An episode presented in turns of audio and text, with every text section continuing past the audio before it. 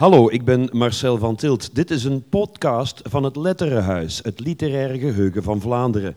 Voor het Letterenhuis ging ik in gesprek met schrijvers, dichters en een biograaf over het bewaren en hoe en waarom ze dat doen. Over de zin en het onzin van het bewaren en over wat waardevol is om te bewaren en wat we daarmee kunnen doen. Je kan de interviews hier opnieuw beluisteren. Veel plezier. Meer zijn.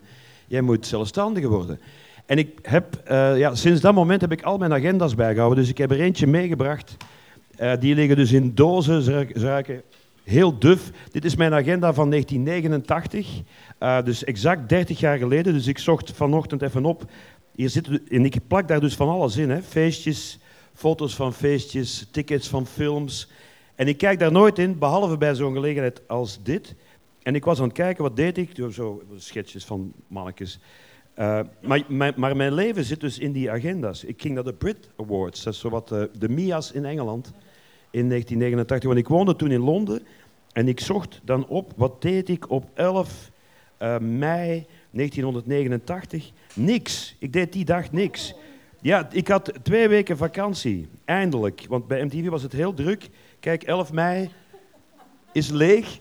En ik, was ik aan het denken van, ja, maar waar zat ik dan? En toen herinner ik mij van, oh, ik ben toen voor het eerst naar Portugal geweest, want daar staat hij dan in. Kijk, op de Faro in Portugal. En dacht, wat weet ik daar nog van? Dat is een heel mooi stadje. En dan komt er opeens een anekdote terug.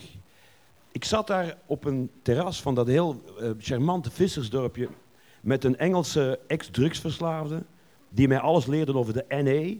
En dat komt dan terug en daar kan je direct een verhaal over schrijven.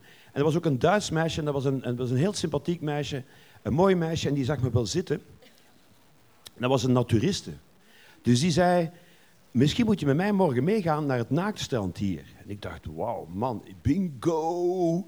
Dus ik mee met dat meisje, Sandra, dacht naar dat naaktstrand. Maar ja, op het naaktstrand moet je dus alles uitdoen. Uh, en ja, daar zaten we dus helemaal naaktes. Hè. En met zo'n kleine tas, met dat dan nog, alleen nog portefeuille en nog, uh, wat zat erin? Telefoon had ik toen nog niet, dat bestond toen nog niet. En dan, ja, nu gaan we zwemmen. Dus wij naakt zwemmen, man, romantisch, tot en met. En ik kom terug, mijn tas gepikt. Dus nooit ben ik nog naar een naturistenstrand geweest. Als ik nu denk naturistenstrand, dan denk ik, nee, wat laat ik mijn spullen achter, ben ik alles kwijt. Ja, dat was toen heel moeilijk, want dan moet je dus ja, naar de bank en weet ik allemaal, heel erg moeilijk.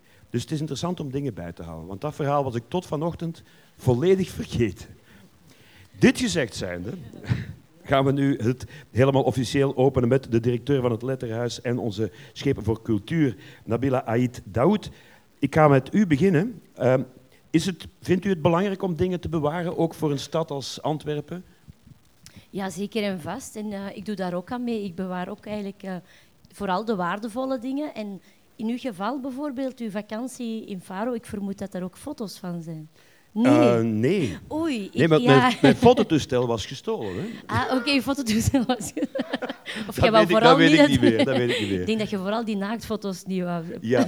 maar het is wel een heel leuk stadje in het zuiden, want het is daar heel erg toeristisch en Faro is nog... Eh, nee, de Tavira is heel leuk. Heel mooi, stad, absoluut, absoluut. Ja. Maar u houdt nee, familie... Hou, uh, ja, ik hou inderdaad zo waardevolle zaken hou ik zeker bij. Uh, dat kan gaan over beeldjes, maar ik denk dat het meest herkenbare voor iedereen hier foto's zijn natuurlijk. Hè. Mm -hmm. Zeker vroeger, dan hielden we ze nog echt wel bij in albums en mooi gerangschikt, inderdaad in jaartallen, maanden, noem maar op. Vakanties die je doet met familie, met vrienden. Um, dus dat is zeker belangrijk. Uh, nu tegenwoordig met die iPhones, dan trek je foto's, maar dan je gaat die niet echt terug herbekijken, tenzij dat je op zoek bent naar een bepaalde foto. Um, en het is ook belangrijk gewoon voor onze geschiedenis natuurlijk. Hè. Het gaat niet alleen om uh, vakanties, maar het gaat over veel meer. En ik denk dat het belangrijk is om te bewaren voor onze kinderen, voor onze kleinkinderen. Um, ja, waar willen we naartoe? De toekomst is belangrijk, maar de geschiedenis is evenzeer belangrijk. Ja, en in deze tijd... En bij geschiedenis wordt er naar mij ja. Geschiedenis wordt er naar u gekeken. Hè? Het is We zijn in het letterenhuis. Ja, Voor jullie in het letterenhuis, er is een hele nieuwe tijd aangebroken. Ik wil zeggen, schrijvers, je hebt hier prachtige manuscripten van al onze grote schrijvers, van ons, je noem maar op. Met de hand geschreven. Ja, dat is totaal voorbijgestreefd. Hè? Hoe, hoe gaan jullie met deze nieuwe Dat is manier bijna van... totaal voorbijgeschreven. Ja. Er zijn nog heel veel auteurs, en ze mogen me allemaal tegenspreken, maar die nog heel erg gehecht zijn ook aan dat fysieke. En dan merk ik ook dat we daar heel hard op werken om, eh, op sensibilisering, om hen ook vertrouwd te maken met het overdragen van digitaal materiaal. Want er, er is een beetje schroom, want papier dat kan je heel fysiek ergens wegleggen, een deur of een kast toetrekken, en dan weten we waar het ligt. En bij digitale stukken veel minder. Maar hoe gaan we daarmee mee om? Wij zijn daar heel zwaar op aan het... eh, op aan het werken. Dus er zijn ook mensen die als ze op vakantie vertrekken, brengen zij hun lap, ah, die mensen, auteurs, wanneer zij op vakantie vertrekken, brengen zij de laptop binnen, kunnen wij daar dingen afhalen en komen ze die weer ophalen. En dat is dan een heel technisch procedé dat daarop volgt om de dubbels eruit te halen, om dat goed te ordenen. Want dat is natuurlijk de, de kunst van het archief, is niet om het alleen te bewaren, maar het ook terug te vinden. Ja. Ja, maar hebben jullie nu dan een hele grote omschakeling moeten gaan maken naar de digitale tijdperk? Omdat ja, die, die systemen veranderen elke vijf jaar. We hebben nog begonnen met floppy disks, Ja. minidisks, eh, noem maar op. Nu Ja. zijn het eh, USB-sticks en P3-bestanden, noem maar op. Ja. je moet dat toch allemaal ergens in een compatibiliteit Ja. kunnen vastleggen. Jij gaat een beetje mee met, met de vaart der volkeren. Zin dat we, een, een beleid daarop is zeer moeilijk, want tegen dat het beleid op punt is, is het alweer achterhaald. Dus je probeert eigenlijk telkens mee te zijn en vooral ook kennis te delen met andere archiefinstellingen, want wij zijn niet de enige in Vlaanderen, wel voor literatuur, maar voor andere takken van sport niet. Dus proberen we heel goed samen te werken, ook qua dragers, qua ontsluiting. Dus, maar dat is ook heel spannend. Dat is ook heel tof om te zien wat er daar mogelijk is. Dus het is, het is nog, we zijn het pad nog aan het bewandelen, maar wel met een stevige tred. Is toch iets wat de stad ook wel achter staat? Ik wil zeggen, Antwerpen is een historische stad. Ja. Is toeristisch belangrijk omdat het een historisch interessante stad is. Je hebt Breugel, je hebt eh, de huizen. Maar ja, dit eh, ja, eh, geestelijk eh, archief is toch ook wel belangrijk. Daar moet toch Ja. wel extra in geïnvesteerd worden. Absoluut. Oei, je hebt, die, oh, je hebt zitten stoken. Ik hoor het al, ik hoor het al. Jullie hebben een gesprekje gehad voordat ik er was. Eh, maar er moet hier zeker in Nee, nog beter niet. En dat gebeurt gewoon vanzelf. Nee, maar het is ook een deel van, van de historie van, absoluut, van zo'n moeten stad we als eh, Antwerpen. goed bewaren. En daar moeten we voor zorgen dat er, als er zaken zijn, dat we die ook in orde krijgen. En dat gaan we ook zeker doen. Dat staat mee op het lijstje voor eh, de nieuwe meerjarenplanning. Ehm, maar ik ben inderdaad in januari als schepen voor cultuur begonnen. Ik had andere bevoegdheden in de vorige legislatuur. Ehm, en dan zijn wij hier op bezoek geweest. Eh, eigenlijk is, want je bent nog heel bescheiden, het is het grootste literair Ja, archief oei, van meestal Vlaanderen. ben ik niet zo bescheiden. Maar, ja, ja. Het is het grootste literair archief van Vlaanderen. Ehm, en er zijn echt wel pareltjes. We hebben, u hebt er zelf ook al naar verwezen van Ostaaien. Uh, maar wij hebben ook ehm, de Leeuw van Vlaanderen. eh, met eh, de handgeschreven eh, stukken. We mogen inkijken. We moesten wel heel voorzichtig zijn. een versie die nog geschreven is door de leeuw zelf. Ja, Hendrik. Voor de mensen konden praten. Ja, maar echt, en Boon en Klaus, en noem maar op, alles vind je hier terug. En eh, de- allee, het is belangrijk dat we dat delen, dat we die info delen, dat er mensen op bezoek komen, dat ze komen kijken en ontdekken wat dat we hier allemaal hebben. En zo als, zoals ik al zei, in het grootste archief, eh, het literair archief, Dat absoluut. denk ik ook, ja. Ook investeren in, in het bekendmaken dat het hier bestaat. Ja, hè. ja. Bijvoorbeeld Ja, ook vandaar in de rest, zoals u zegt. Hoeveel mensen weten dat in de rest van Vlaanderen bijvoorbeeld? ja. Ja. nog onvoldoende, dus we moeten het blijven benadrukken en verder eh, verspreiden. Heeft u iets op het programma staan vanmiddag dat u zelf graag zou willen zien of meemaken? Goh, er zijn eigenlijk eh, veel zaken die ik graag wil zien. En, eh, maar helaas heb ik, zijn verkiezingen naar het schijnt binnen twee weken. Is dat al vanmiddag? Nee, ja, hè? binnen twee weken. Binnen Maar we twee moeten- weken. ja, dus Want tegen dan krijgt u alles wel gezien, hoor. ja, ik hoop het, ik hoop het. Ehm, maar er is eigenlijk een familieatelier hier in het eh, Ja. Letterenhuis. En ik ben schepen van jeugd geweest. En alles wat dat met kinderen of jeugd te maken heeft, blijf ik eh, aanmoedigen. eh, waar dat kinderen van alles zelf kunnen doen, zelf aan kunnen eh, meewerken. Eh, Bart Moejaert, Ja. eh, ook een belangrijke, die heeft eh, de prijs gewonnen, de Alma-prijs. ge- wacht, hè. Ja, Ja, Alma-prijs. Astrid is- Lindgren Award, ja. ja. Astrid Lindgren Memorial Ja, ik Award. vind het, ja. zeg Alma, dat is gemakkelijk. Zeg het nog eens. Astrid Lindgren Memorial Award. Ja. gewonnen. Dat is eigenlijk de literaire Nobelprijs, zeg maar. hè. Dus Ja. dat is niet niks. Eh, dat is ook interessant voor deze middag te doen. Maar helaas, het hangt ervan af hoe dat programma verloopt, of dat ik er zelf eentje kan meepikken of niet. Maar ik ga zeker alvast naar de kindjes kijken. dan. Goed. Ja. Wens u daar nog iets aan toe te voegen? Of kunnen we met de schrijvers beginnen? Be- Met belang first things first. Begin maar met de schrijvers. Oké, Allerbelangrijkste. Dank u wel, Nele, en dank u wel, Nabila. Middag. Laten we beginnen met onze eerste auteur. Ehm, in, in, van haar eh, laatste bundels, Halleluja, gebruikt ze toch ook wel veel een beetje haar eigen persoonlijke archief. Misschien moeten we het daarover hebben. Verzamelt ze veel, houdt ze het bij of niet? Annelies Verbeke.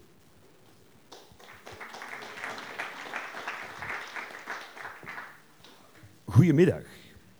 Ja, jij zei eigenlijk al in het voorgesprek... Uh, ik ben eigenlijk niet iemand die daar zo echt mee bezig is op dingen te verzamelen en te rangschikken en ja, in dozen juist weg te zetten. Hou je echt helemaal niks bij?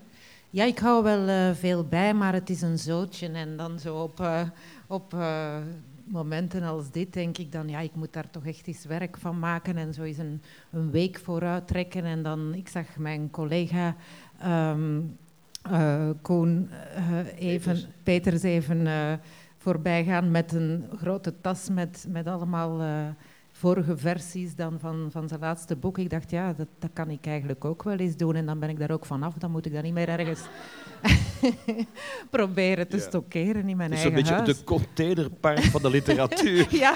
Is het letterenhuis. Kom, als je nog... Maar ja, hier, het, hier wordt het wel geapprecieerd. Voor jou staat het misschien in de weg. Of je denkt, ja, moet ik met al die oude brol... Het boek is uitgebracht. Je krijgt, als boek heb je een mooi afgewerkt product. maar al wat daarvoor geweest is, is natuurlijk voor mensen die later... Uh, het misschien willen inkijken, zeer interessant. Mm -hmm. Maar bijvoorbeeld in Alleluia gebruik je toch ook wel een beetje ja, uh, wie je was als kind en in andere periodes uit je leven. Hou, heb je daar dingen van bijgehouden of is dat puur uit je geheugen dat je dat weer opgeschreven hebt? Ja, dat is uit mijn geheugen. Maar uh, in Halleluja is het, ja, eigenlijk alles is fictie uh, daarin. Maar uh, het middenste van de vijftien verhalen is de beer, waarin de auteur optreedt. En de auteur is ontstaan in 2012 in een kort verhaal dat ik voor de buren schreef. En dat is een soort alter ego en die duikt ook op in 30 dagen, mijn roman. En die blijft opduiken en ja, blijkbaar ontstaat er, ik ben nu 16 jaar uh, bezig, en blijkbaar ontstond er zo ja, rond uh, ja, 2012 ineens toch de behoefte van een soort alter ego, terwijl ik altijd had gezegd van, ja, zo autobiografisch, daar doe ik niet aan. En eigenlijk doe ik daar inderdaad ook nog altijd niet aan, maar ik had zo'n tussenfiguur tussen literatuur en werkelijkheid blijkbaar nodig. Ik weet ook niet waarom. Misschien kan psychoanalyse daar een antwoord op bieden. Maar, maar uh, in ieder geval, uh, die is ontstaan en die zit ook daarin. En dan komen er soms ook in deserteren. Dat is eigenlijk mijn, mijn laatste worp, geschreven voor uh, Te Gek. Mm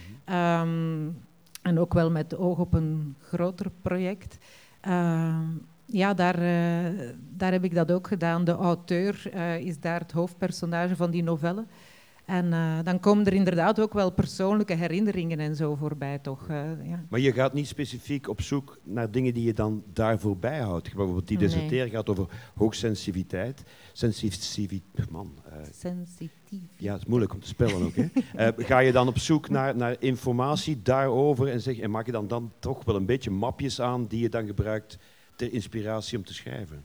Ja, research sowieso ja. doe ik wel, hè. Ja, ja, maar, maar dan niet zozeer uh, uit mijn eigen leven. Ik denk ja, dat dat voor de meeste auteurs geldt, dat wat in je boeken terechtkomt, ook al is het uh, helemaal niet autobiografisch, ja, dat pluk je toch uit je leven en uit de dingen ja. die je onthouden hebt. En ik heb, uh, het is ook interessant eigenlijk uh, om dan stil te staan bij wat voor soort geheugen heb ik. En ik denk dat ik vooral een goed geheugen heb voor gesprekken. Dus echt wel voor het woord in de eerste plaats. Ik heb een heel slecht geheugen voor gezichten en ja, namen eigenlijk ook wel. Heel tof op uh, ja, al die uh, recepties uh, waar ik wel eens verzeild geraakt. maar um, ik heb wel een heel goed geheugen voor gesprekken. Dus ik heb ook ja, hele flarde gesprekken nog in mijn hoofd van toen ik vier jaar was of zo. Dat is onwaarschijnlijk, hè? Ja, dat... Ja, dat maar dat helpt natuurlijk wel als dat auteur. Helpt, uh, want aan een, aan een ja. dialoog kan je een heel verhaal hangen natuurlijk. Ja, ja. Als je alleen maar zegt, ik stond onder een boom en het stormde... Ja, dat is niet genoeg, hè? Nee. nee, nee, gesprekken, dat kan ik goed onthouden. En ja, het is ook zo dat uh, als je een tijdje bezig bent, ik nu ja, 16 jaar geleden ben ik gedebuteerd, en dan ga je toch ook je werk zien als een soort uh, ja, fotoalbums bijna, maar dan in geestelijke zin van, van je eigen leven. Ik, als ik iets teruglees van tien jaar geleden, dan voel ik wat ik toen voelde en dan ja, begrijp ik ook hoe een mens verandert en ook weer niet en hoe je alles ja. meeneemt. En, maar het zijn wel uh, toch op een manier een soort van momentopname van periodes in je leven ja. ook. Vind je het jammer jij dat jij dat dan ook niet doet met de rest? Dat je het allemaal niet in doosjes steekt, want je had iets meegebracht van Compagnie de Koe, geloof ik. Ja, die dan wel zo van ja, al, hun, al hun werken die ze tot nu toe gemaakt hebben, een soort van ja, Ja. terugblik. Ik dacht, ik ga dat toch meenemen om eens aan de mensen te laten zien, omdat ik vond, ik vond het zo'n mooi voorbeeld. Het is pas verschenen, het Koeboek. Eh, ik weet niet of jullie eh, Compagnie de Koe kennen. Dat is Peter van den Ede, Willem de Wolf en Nathalie Broods. Peter van den Eden het langstal. En ehm, het is zo'n mooie manier om iets te bewaren. Zij bestaan dit jaar 30 jaar en hebben nagedacht over hoe gaan we een boek maken dat toch meer is dan wat foto's en, en wat feiten. Hè.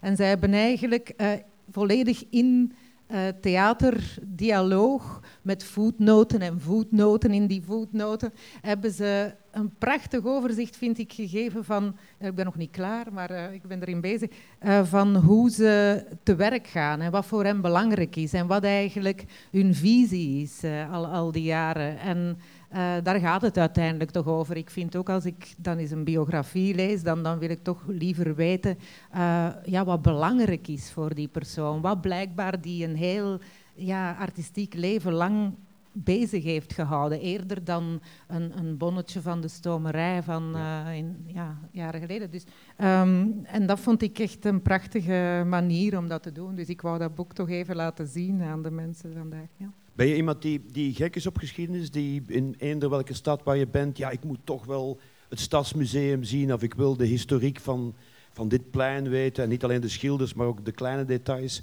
Of zeg je nee, ik, leef gewoon nu en ik, ben in, ik zit in mijn verhaal en dat is het enige wat mij op dit moment boeit? Eh, ja, een beetje van beide. Eh, ik ben zo wel een tijd, een tijd had ik, eh, vond ik een beetje overdreven, ja, eh, de drang om alles te zien waar ik dan was. Maar ik denk dat dat ook als je veel reist, wel een beetje milder Eén wordt. kerk gezien, Ja. alle kerken gezien. Ja, dan nu misschien niet, maar, maar dat je toch niet meer zo die verplichting voelt van ik Ja. moet hier alles gezien hebben. Ehm, heel vaak reis ik ook eh, voor de literatuur, dus dan heb ik daar al dingen te doen en is dat sowieso een beetje eh, ja, in, in vaste paden eigenlijk al gegaan. Wat ik vaak doe, bijvoorbeeld, ik, ik, heb, ik herinner mij zo'n aantal dingen in Barcelona, de eerste of de tweede keer. Er staat overal zoveel volk. Ik kocht me gewoon een boekje over de Sagrada Familia. Ik ging aan het café er tegenover zitten. En die mensen stonden daar maar uren aan te schrijven. Ik dronk een glas wijn en ik, ik wist alles. Ik ben er nooit binnen geweest. Ja, ja. Ja. Ja, en ik heb wel eh, twee keer zoiets historisch eerder geschreven.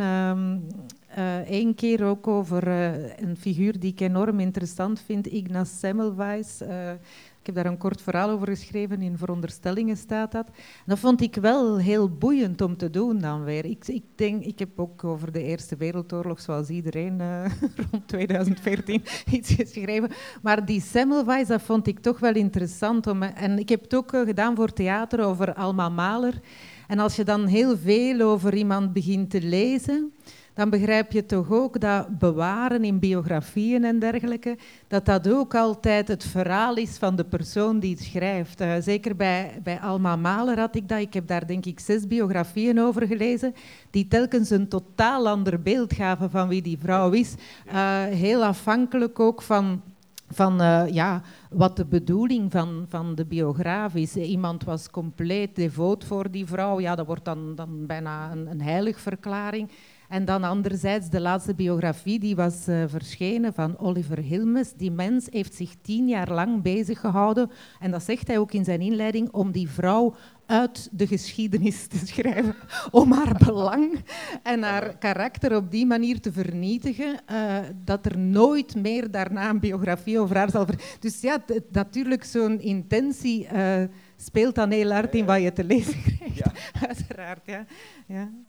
Welk soort biografie zouden ze over jou moeten schrijven? Heb je, zou je dan liefst ja, de auteur als zijnde het, het hoofdpersonage van het boek zien? Want ja, wie is Annelies zelf? Dat weten we vaak ook helemaal niet. Ja, als we jouw werk lezen. En dat hoeft ja. ook niet altijd, natuurlijk niet. Maar dat zijn toch wel twee verschillende Ja. ja. entiteiten. Annelies Mhm. de vrouw en Annelies de auteur.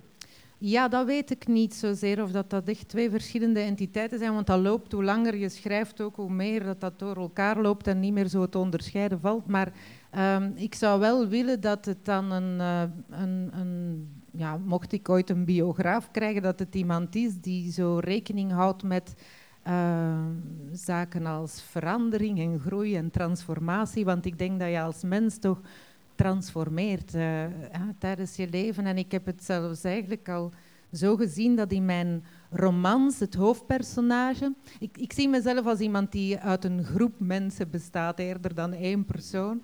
En dan de, degene die die groep leidt tijdens een bepaalde tijd in mijn leven, die uh, wordt het hoofdpersonage in een roman en daar reken ik dan op het einde mee af en dat is, dan is het tijd voor een transformatie. En dan komt er een nieuw hoofdpersonage, een nieuwe leider. Uh, en mijn korte verhalen die zijn dan eerder die, die mensen in de parade die ik zelf minder goed ken. Dus zo zie ik het. Dus dat is wel het eerste waar ik zou willen dat een biograaf dan rekening mee zou houden. Maar ik vind het ook uh, grappig ergens om over zo'n hypothetische biograaf te spreken. De hele en een collega heeft eens gezegd, ik vond dat een beetje chockerend, van ja, maar daar, daar zijn we toch allemaal uiteindelijk het bangst voor, voor de biograaf. Ik vond dat echt een hele grappige uitspraak. Vooral zo die uit de geschiedenis wil schrijven. ja. Vind ik wel een opdracht ja, om daarmee ja, bezig te zijn, tien jaar lang. Ja, maar ik, ja, ik denk dat velen van ons ook uh, geen biograaf zullen krijgen. Uiteindelijk uh, is mijn bescheiden mening daarover. En dat is ook niet het belangrijkste. uh, ter afronding, waar ben je mee bezig? Uh, deserteren, het boek over hoogsensitiviteit gezegd. Sensitiviteit. Sensitiviteit uh, is uit nu, um, um, in opdracht van Te Gek. Um, waar ben je nog mee bezig op dit ogenblik? Wel, ik was uh, een jaar lang de vrije schrijver in de Vrije Universiteit van Amsterdam. En eigenlijk ook wel iets om te vernoemen. Uh, ik eindig daar nu deze maand met een essay uh, waar, ik in, ja, waar ik voor een publiek uit zal voorlezen. En men heeft daar net dit jaar, nu ik daar de vrije schrijver ben, ben heeft men daar de bacheloropleiding Literatuur en Samenleving Nederlands. Hè, dus de enige manier om in bachelor Nederlands te volgen, heeft men daar afgeschaft. En dat is ook wel als auteur toch in het Nederlandse taalgebied even slikken, moet ik zeggen. Wat als dat een president wordt, dat men eigenlijk vanuit een universitaire uh, academische opleiding niet meer de intentie heeft om ons te bewaren. Dat is eigenlijk ontzettend uh, angstaanjagend. Uh, dat de hele, ja, er is verengelsing en internationalisering aan de hand, dat weten we wel allemaal. Maar dat er ook niet meer uh, de noodzaak gevoeld wordt om de Nederlandse letteren, de uh, auteurs van nu, van de toekomst, hè, want die worden daar natuurlijk ook gevoed, uh, en, en van het verleden niet meer te bewaren, vond ik wel echt een schok. Um, en ik had tot een paar jaar geleden niet door, en eigenlijk tot dit jaar niet uh, helemaal door, dat het zo ernstig gesteld was. Dus daar gaat mijn essay daarover. Uh. Goed, ja. past perfect in het kader van uh, deze bewaring van vanmiddag. Mm. Dank u zeer, Annelies Verbeke. Dank je wel. Dadelijk is er ook nog live muziek, maar we gaan eerst door natuurlijk. Je staat al recht. Schrijver en journalist Pascal Verbeke. Een applausje voor Pascal Verbeke, dames en heren. Goedemiddag. Alles goed? Ja. Je hebt net ook een boek uit over Brussel, Brutopia. Uh, dat moet ik nog lezen. Ik ben ook grote... Werkt deze? Ze werken allemaal, denk ik. Okay. Ja. Um, maar daar gaan we het uh, niet over hebben. Tenzij dat je ook voor dat boek over Brussel... Ja, uh, bewaar je daar Brussel ook een beetje in? Waarschijnlijk wel, hè? ja, een klein beetje wel, ja. ja. Ik, ik, zie het toch al, ook als een vorm van geschiedschrijving eigenlijk. Ja. Maar dan over vandaag. Ik vertrek altijd wel in een ver verleden ja. met een plek of een, of een figuur. Ja. Uh, want dan kom ik toch zo snel mogelijk naar uh, hier en nu. Ja. Brussel blijft een boeiend onderwerp. Ja, het, is het, is echt een, een onvatbaar. Ja, een draaitol. Ja, het is een draaitol van, ja, van vele steden eigenlijk. Ik ken eigenlijk geen enkele andere stad die zoveel andere steden is. In Amsterdam kan je een half uur lang rondlopen en altijd min of meer in dezelfde werkelijkheid blijven. Dat is in Brussel totaal onmogelijk. Je slaat een de Europese werkelijkheid, de ja. oude Vlaamse ja, werkelijkheid. Sint-Joost ligt er vlak naast. Ja. Armste gemeente van, uh, van België. Schuurt echt tegen die Europese wijk. Kuregem is ja, een, een, uh, een wemeling van, van nationaliteiten. Alleen op die ene vierkante kilometer er rond uh, de slachthuizen van Anderlecht. Daar, daar, daar, daar kan je honderden boeken over schrijven. Um, ook in Brussel houden we alles bij. Maar waar gaan we het over hebben? Over de brieven uh, van Erik Verpalen. Ja. ja. Uh, hij zelf wilde die ook altijd meteen... Gooi ze maar weg. Daar is dan gelukkig door de uitgever uh, even um, ja, een halt tegen geroepen en er zijn een aantal dingen um, verschenen. Waar ben je nu mee bezig geweest dan, in verband met Erik Verpalen? Ik zelf heb uh, ja, via het Letterenhuis een aantal brieven gekregen om die eens te lezen en er mijn gedachten te laten, te laten overwaaien. Uh, ik denk dat ze aan mij gedacht hebben omdat ik uh, op de herdenking van Erik Verpalen in de Minaar in Gent, een paar jaar geleden, uh, mijn herinneringen aan Erik uh, prijs had gegeven. Ik heb hem ook gekend in, uh, in de jaren negentig dan vooral. dan ben ik hem uit het oog verloren, zoals veel mensen. Um, maar ik heb Erik in een bepaalde periode goed gekend. Ik kwam ook bij hem over de vloer. Al dan, ja, dat vond hij al dan niet leuk. Erik was soort Flaubert uiteindelijk. Hè. Een beer in zijn hol uh, wilde door niemand lastiggevallen worden eigenlijk. Um, leefde er in zijn, eigen, in zijn eigen werkelijkheid. Maar een aantal keren ben ik uh, ja, in een periode, zelfs, zelfs vaker, ben ik bij hem er in de kasteel aan 37 uh, gekomen. En heb ik ook de man en zijn vele neuroses uh, leren kennen. Ik ben ook altijd fan geweest van Erik Verpalen, moet ik zeggen, van zijn, uh, van zijn werk dan, zijn brieven vooral. Ik vind het een van de grootste brievenschrijvers in de Nederlandse literatuur. Ik denk dat je... Echt? Ja, Vincent van Gogh is voor mij... Ja, een andere planeet, ja, ja, het is een ander planetenstelsel. Um, maar dan heb je denk ik uh, Gerard Reven en, en Jeroen Brouwers als, als echt hele, hele grote brievenschrijvers. Topnamen, hè? Ja, ja, ja. maar dan, er kort, kort achter vind ik uh, ja, een pelotonnetje waar zeker uh, Erik Verpalen bij zit. Uh, dat vind ik wat ben je nu precies aan het doen? Je hebt hier in het, in het letterenhuis nog wat briefwisseling, of heel veel briefwisselingen kunnen inkijken. Wel, er zijn al wat dingen gepubliceerd natuurlijk. Hè? ja, er is, er, is, er is heel veel gepubliceerd. Ja. Alles in het klein, zijn, zijn, zijn meesterwerk, dat echt als een komeet begin jaren negentig insloeg, is half een brievenboek. Um, en, en ook Olivetti uh, 82, dat ja. ik erbij heb, is, ja. is, uh, is, is, een brievenboek. Uh, er, is, er is heel veel gepubliceerd, maar er is ook nog heel veel uh, zwevende. Mm -hmm. ik ken zelf vijf, zes mensen die nog behoorlijk wat brieven van Erik Verpalen in dus de Ben je eigen onderzoek aan het doen ook? Bij nee, nee, nee, helemaal niet. Nee, nee, nee, nee. Ik ben, ik ben een vrolijke dilettant -huh. die Erik vroeger gekend heeft, yeah. die fan is van zijn, van zijn werk. Maar ik ben, ik ben geen academicus die, die, onderzoek doet naar, uh, naar Erik Verpalen. Um, maar blijkbaar hebben ze bij het Letterhuis mijn dilettantschap rond Erik geapprecieerd. En, en, mij daarom vandaag hier uitgenodigd. Uh, dus uh, eenmaal, ik weet dat er nog uh, heel veel brieven van Erik en echt ook goed materiaal bij mensen zit, onder andere bij Bob de Moor, die de regisseur was van zijn theaterteksten. Uh, bij Paul Luiten van Boekhandel Walry in, in, Gent bijvoorbeeld, die heeft ook een en ander. Uh, redelijk wat meisjes ook, hè, want uh, Erik was een intensieve brievenschrijver aan, aan, aan, aan, jonge meisjes. maar in het letterhuis ehm, is nu een deel, denk ik, van de brieven die gericht zijn aan Luc Gruet gebundeld nu. Toch, ja, en, en het is compagnon die, de route ook ja, het is uit dat erfgoed nalatenschap, zeg maar, uh, dat ik uh, een aantal brieven ook heb kunnen lezen. Uh, om, om, ja, om er hier nu over te vertellen en, en, en om, om, er eens ja, over te vertellen wat ik, wat ik daarvan vind. Maar ja, het is vintage Erik Verpalen. Ja.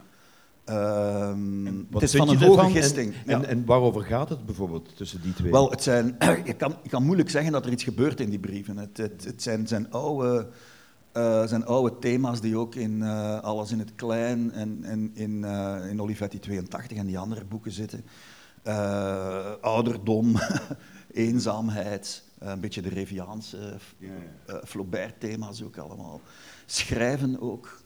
Ehm, schrijven was voor Erik zowel zijn, zijn schutskoepel zeg maar, tegen een wereld en, en een leven dat hij eigenlijk niet aankon. Hè.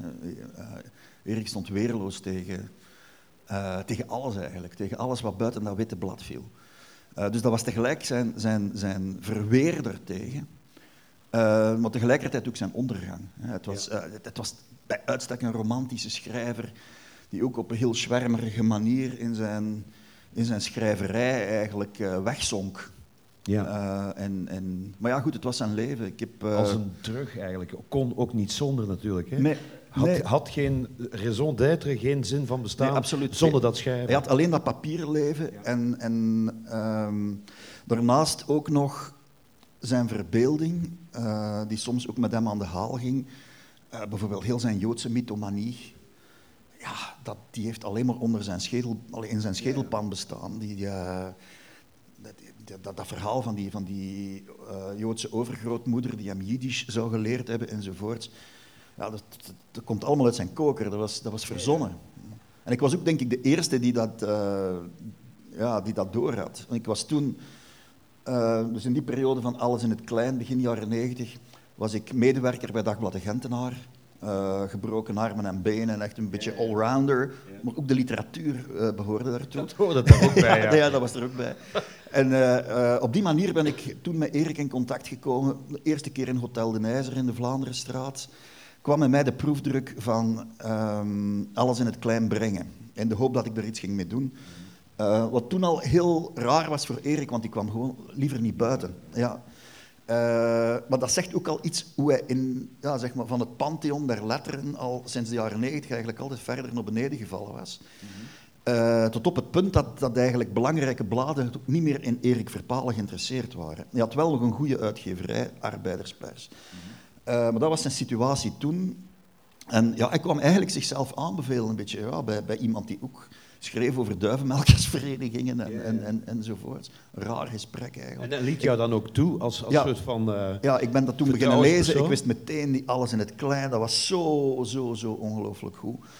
Ehm, en eh, ja, toen, in, die, in die periode daarna, ben ik... ja, dat was die periode dat ik bij hem ook over de vloer kwam in, in Zel zaten en hem ook een beetje heb leren, ja. leren kennen, voor zover je Erik kon kennen. Ja. Dat is, Heb je nu ook al iets op... Hoeveel, hoeveel brieven heb je hier al gelezen dan? Want ik heb geen idee wat je al gedaan ja, hebt. ik heb van alles. sta- eh, staat ik heb, ehm, ja, ik denk een, ehm, een tiental brieven gelezen en dan ook nog dagboekfragmenten.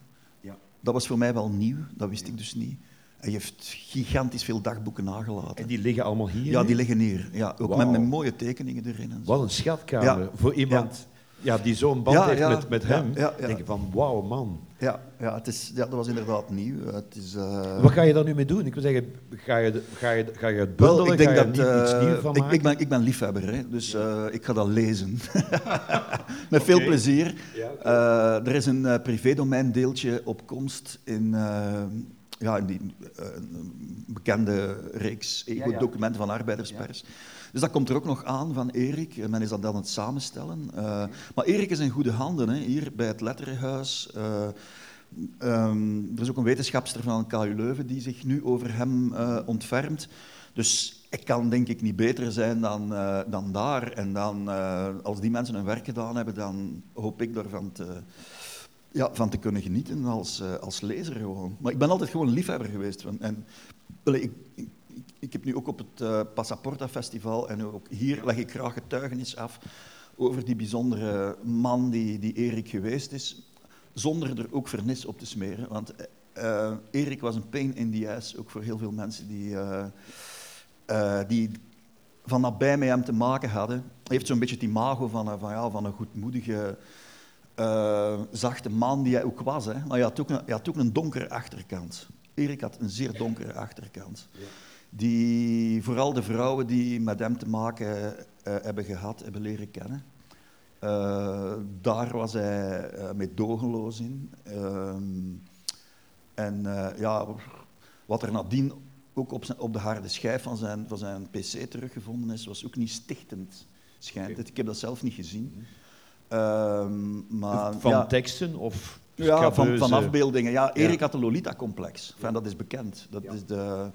Maar ja, goed, we zijn nu intussen niet meer in de tijd van Louis-Paul Boon, van de Wiesentist, ja, die knippend uh, in, in, uh, in, in, in, boekjes uh, zijn gang ging, waarna Janneke dan naar de bank in Aalst, want er was een papierversnipperaar, de restanten er niet ingooien, okay. dat, dat, zo ging dat.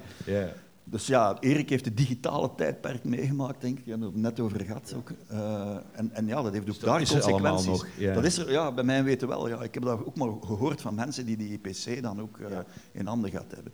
Dus ja, ook, ook daar is een, een, kant die, die er vroeger ook niet was. Hè. In, dat, in, dat, in dat bewaren van, van, van materiaal, ja, wat doe je daarmee ook? Hè? Uh, je, zit, je, komt er heel snel, zelfs ook als erfgoedinstelling, denk ik, ook in een, juridisch, uh, in een soort juridisch vaarwater van ja, wat mag je ook ja. bewaren? Het belangrijkste is, denk ik in dit uh, kader, dat doordat het hier goed bewaard is, dat je een schrijver zoals Erik Verpalen, waar jij een grote fan van bent, ja. ja. dat die toch blijft doorleven. Terwijl die eigenlijk al bij leven ja, volledig buiten de maatschappij stond en ook zelfs door de media en zo verder te weinig aandacht Ja, het was ook zijn eigen schuld. Hè. Hij heeft, uh, ja, dat, dat was, Erik was totaal niet, niet berekend op, uh, op, op de eisen van de, van de, van de media enzovoort. Uh, maar goed, maar jij houdt hem dan toch wel levendig. Ja, ik kan een paar, een paar zinnen lezen ook. Ah ja, graag. Dat is goed, ter afronding misschien. Ja, ter afronding. Van, van een brief die jij ja, hier gevonden brief, hebt? het is een brief uit 1983. Uh, dus eigenlijk aan het eind van zijn eerste goede periode, zeg maar, van een meisje uit Odessa, de, de trappen van Algiers, dat was net erna. Ja. En, en uh, ja, kijk, hier zie je de grote wieks, de wiekslag van een groot schrijver.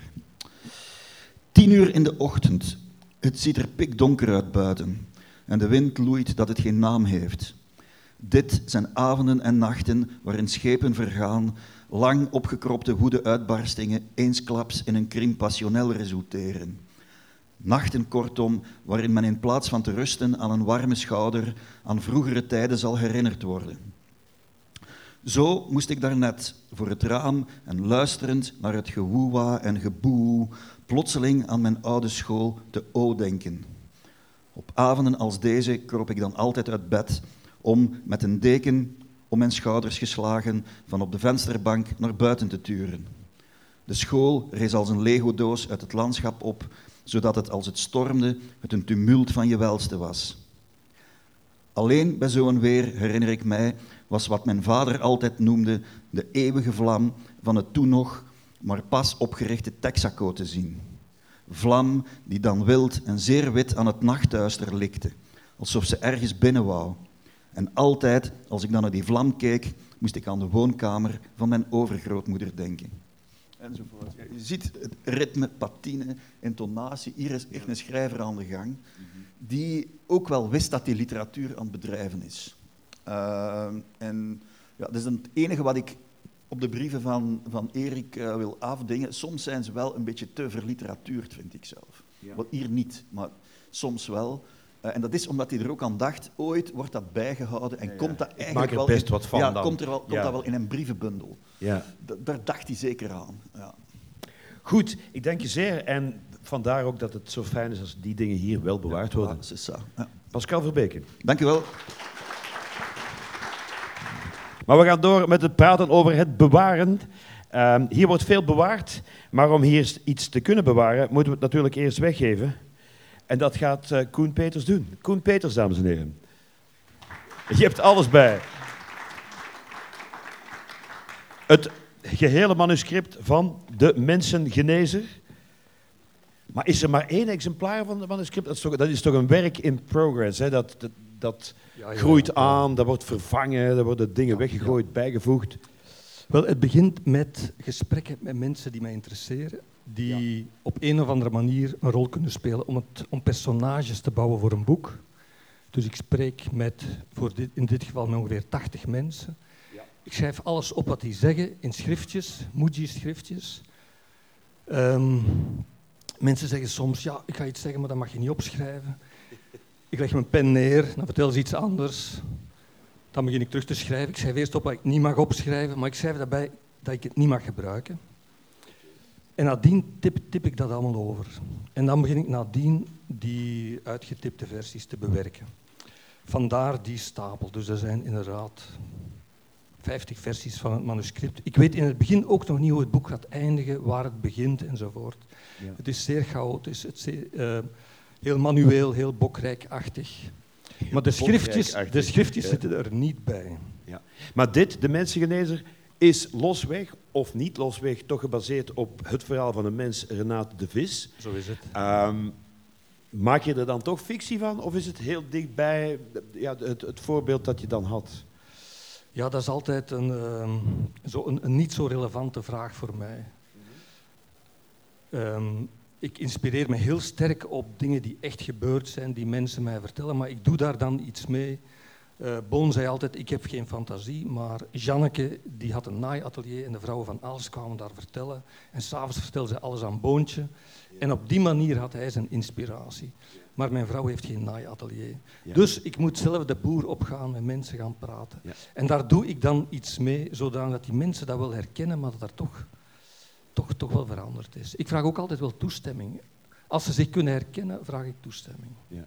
Wilt u zich herkennen in het boek? Maar als je zegt, ik heb zelf net zoals Boon geen fantasie, dan ben je iemand die veel bijhoudt. Dat je zegt, uh, oeh, dit is iets interessants, dat kan ik desgevallend gebruiken. Dit is nog een leuk uh, clue voor een ander verhaal, of niet?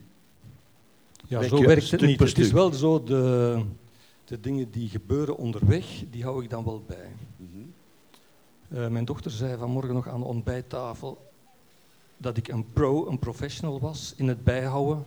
Want ik ben eigenlijk wel constant bezig met dingen bijhouden en, en daar systeempjes voor bedenken. Dit is nu een eenvoudig systeem. Elke keer als ik een uh, typoscript bewerkt heb, leg ik dat op de hoop. En dat wordt altijd maar hoger. En dat is dan het systeem. Maar ik heb andere systemen voor, uh, voor bananendozen in mijn kelder. Uh-huh. Het sorteren van de boeken, de gesigneerde, de niet gesigneerde. Uh, en nog zo allemaal kleinere subsysteempjes daarbinnen. Maar hou je echt alles bij? Hou je je recensies bij? Hou je actualiteitsartikels? Je zegt, ik wil die Trump, die lijkt me wel een inspiratie om daar pas binnen twintig jaar iets mee te doen. dus ik hou nu alvast bij wat voor dingen dat hij vertelt. Ja, vroeger bestond het internet niet. Hè. Ja. En dan moest je dat wel doen. Ja, ja toen moest je zo'n dingen doen. Nu google je maar alles. Bijvoorbeeld, ik ben een maand geleden gestart met het volgende. Ik hou nog heel erg van een, eh, een, een papieren krant. Mhm. En mij viel op dat er eigenlijk toch wel vaak mooie foto's in staan van kunstwerken. Ja. En nu probeer ik telkens, als ik een mooi kunstwerk zie, ik knip dat uit en ik schrijf de ondertitel over in vulpen en ik plak die in een zo van die grote dummies die je bij de slechte kunt krijgen. En op die manier ga ik, uh, ja, ik ben eigenlijk al ver gevorderd, ik ben een maand bezig. Elke dag staat er bijna een mooi kunstwerk in de krant. Ja. Maar ik verwerk het altijd. En ik, in die zin vind ik dat wel interessant. Bijhouden moet je altijd doen, terwijl je het ook op een of andere manier uh, onmiddellijk iets mee doet, verwerkt, vernietigt of zoiets. Ja. Weet je dan nu al wat, wat daar het resultaat gaat van zijn? Of je denkt, dit is gewoon een leuke, leuke piste, een leuke weg om te bewandelen? Ja, dat is een manier om nuttig bezig te zijn, denk ik. Hou je in stilte bezig. De rest van je leven. Ja, ja, De rest mag slapen, maar jij mag een beetje knippen en plakken. Maar je hebt geen idee. Je denkt van, dit lijkt me Nee, iets, maar dat dus is gewoon een mooi object. Bijvoorbeeld, uh, Philip Roth sterft. In de krant staan mooie zwart-wit foto's van Roth. Dan knip ik die uit en dan plak ik die in het boek van, de boeken van Roth die ik heb. Net zoals veel mensen de recensies erin steken, maar ik wil het boek ook een beetje uh, aankleden, maar tegelijk ook vernietigen en zo. Ik vind dat interessant, dat is dan een, een uniek boek. Dat wordt ook heel lastig om het weg te doen. Ja. Dat is het probleem waar ik heel vaak mee zit. Uh, ja, ik heb boekenkasten in de woonkamer, op mijn bureau, maar ik wil er geen bij zetten. Dus ik moet af en toe verticuteren. Ja. Dat, het mos moet eruit en dat ja. is super lastig. En wanneer kan ik een boek niet wegdoen als er iets ingeplakt is? Ah, wie wil dat? Of het is voor alle zekerheid plak je nu in elk boek plak je iets. Ja, de goede boeken, daar plakt overal iets in. Maar die, die krijgen in mijn gedacht een meerwaarde. Mm -hmm. Ik ben hier ooit uh, de bibliotheek van Gilliams komen bezoeken, toen Leen van Dijk hier nog de baas was. Ik was een stuk bezig. Ik ga een bekentenis doen. Ik heb toen hier iets beschadigd. Ja. Ik was aan het denken, zou ik het nu zeggen of niet, maar het is volgens mij verjaard, Nele. Namelijk, ik wilde een stuk schrijven over een schrijver die een manuscript van Gilliams gaat opzoeken. En Leen, de voorgangster van Nele Hendricks, die zei, oh ja, ik zal u dat eens laten zien, we gaan naar beneden. Um, en ik wilde vooral de nagelaten manuscriptjes zien, waar dat nooit iets mee gebeurd was van manuscript. Dat is een apart, apart uh, map. En ik had in mijn hoofd dat die schrijver een zin toevoegde op een van die knipseltjes van uh, Gilliams. En Leen was even weg en ik heb daar iets opgeschreven. Drie of vier woorden. Bovendien verwerk ik dat in een verhaal. Over schrijver, Gilliams enzovoort. En ik mocht hier dan eens optreden en dat ging ook over bewaren. Ik had ook een cadeau meegebracht. Uh, namelijk, ik had toen de gewoonte om melkdozen altijd zo op een hoop plat te drukken en op een hoop te zetten.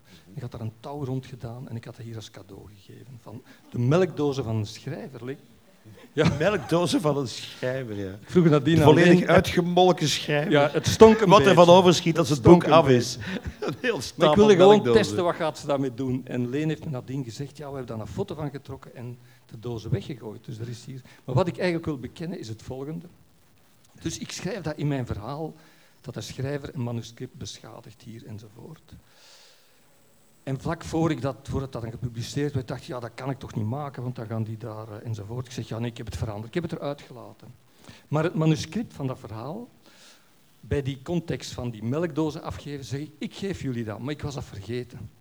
En Jan Stuik, een medewerker die hier niet meer is, denk ik, die is dat dan gaan nalezen en die belde mij op en die zei, zeg Koen, is dat waar? Want die had gevonden wat ik eraan toegevoegd had en die was het ook echt gaan checken. En Dus- dus stond er. Het, natuurlijk staat het er. Ik excuseer me bij het letterenhuis. Ik wil het goed maken bij deze. Maar ook een mooie manier om het nalatenschap nieuw lezen in te blazen. Je voegt er wat aan toe. Jij geeft het nu weg. Je gaat dit gewoon hier voor een deel uitdelen onder het publiek. Waarom wil je dat doen?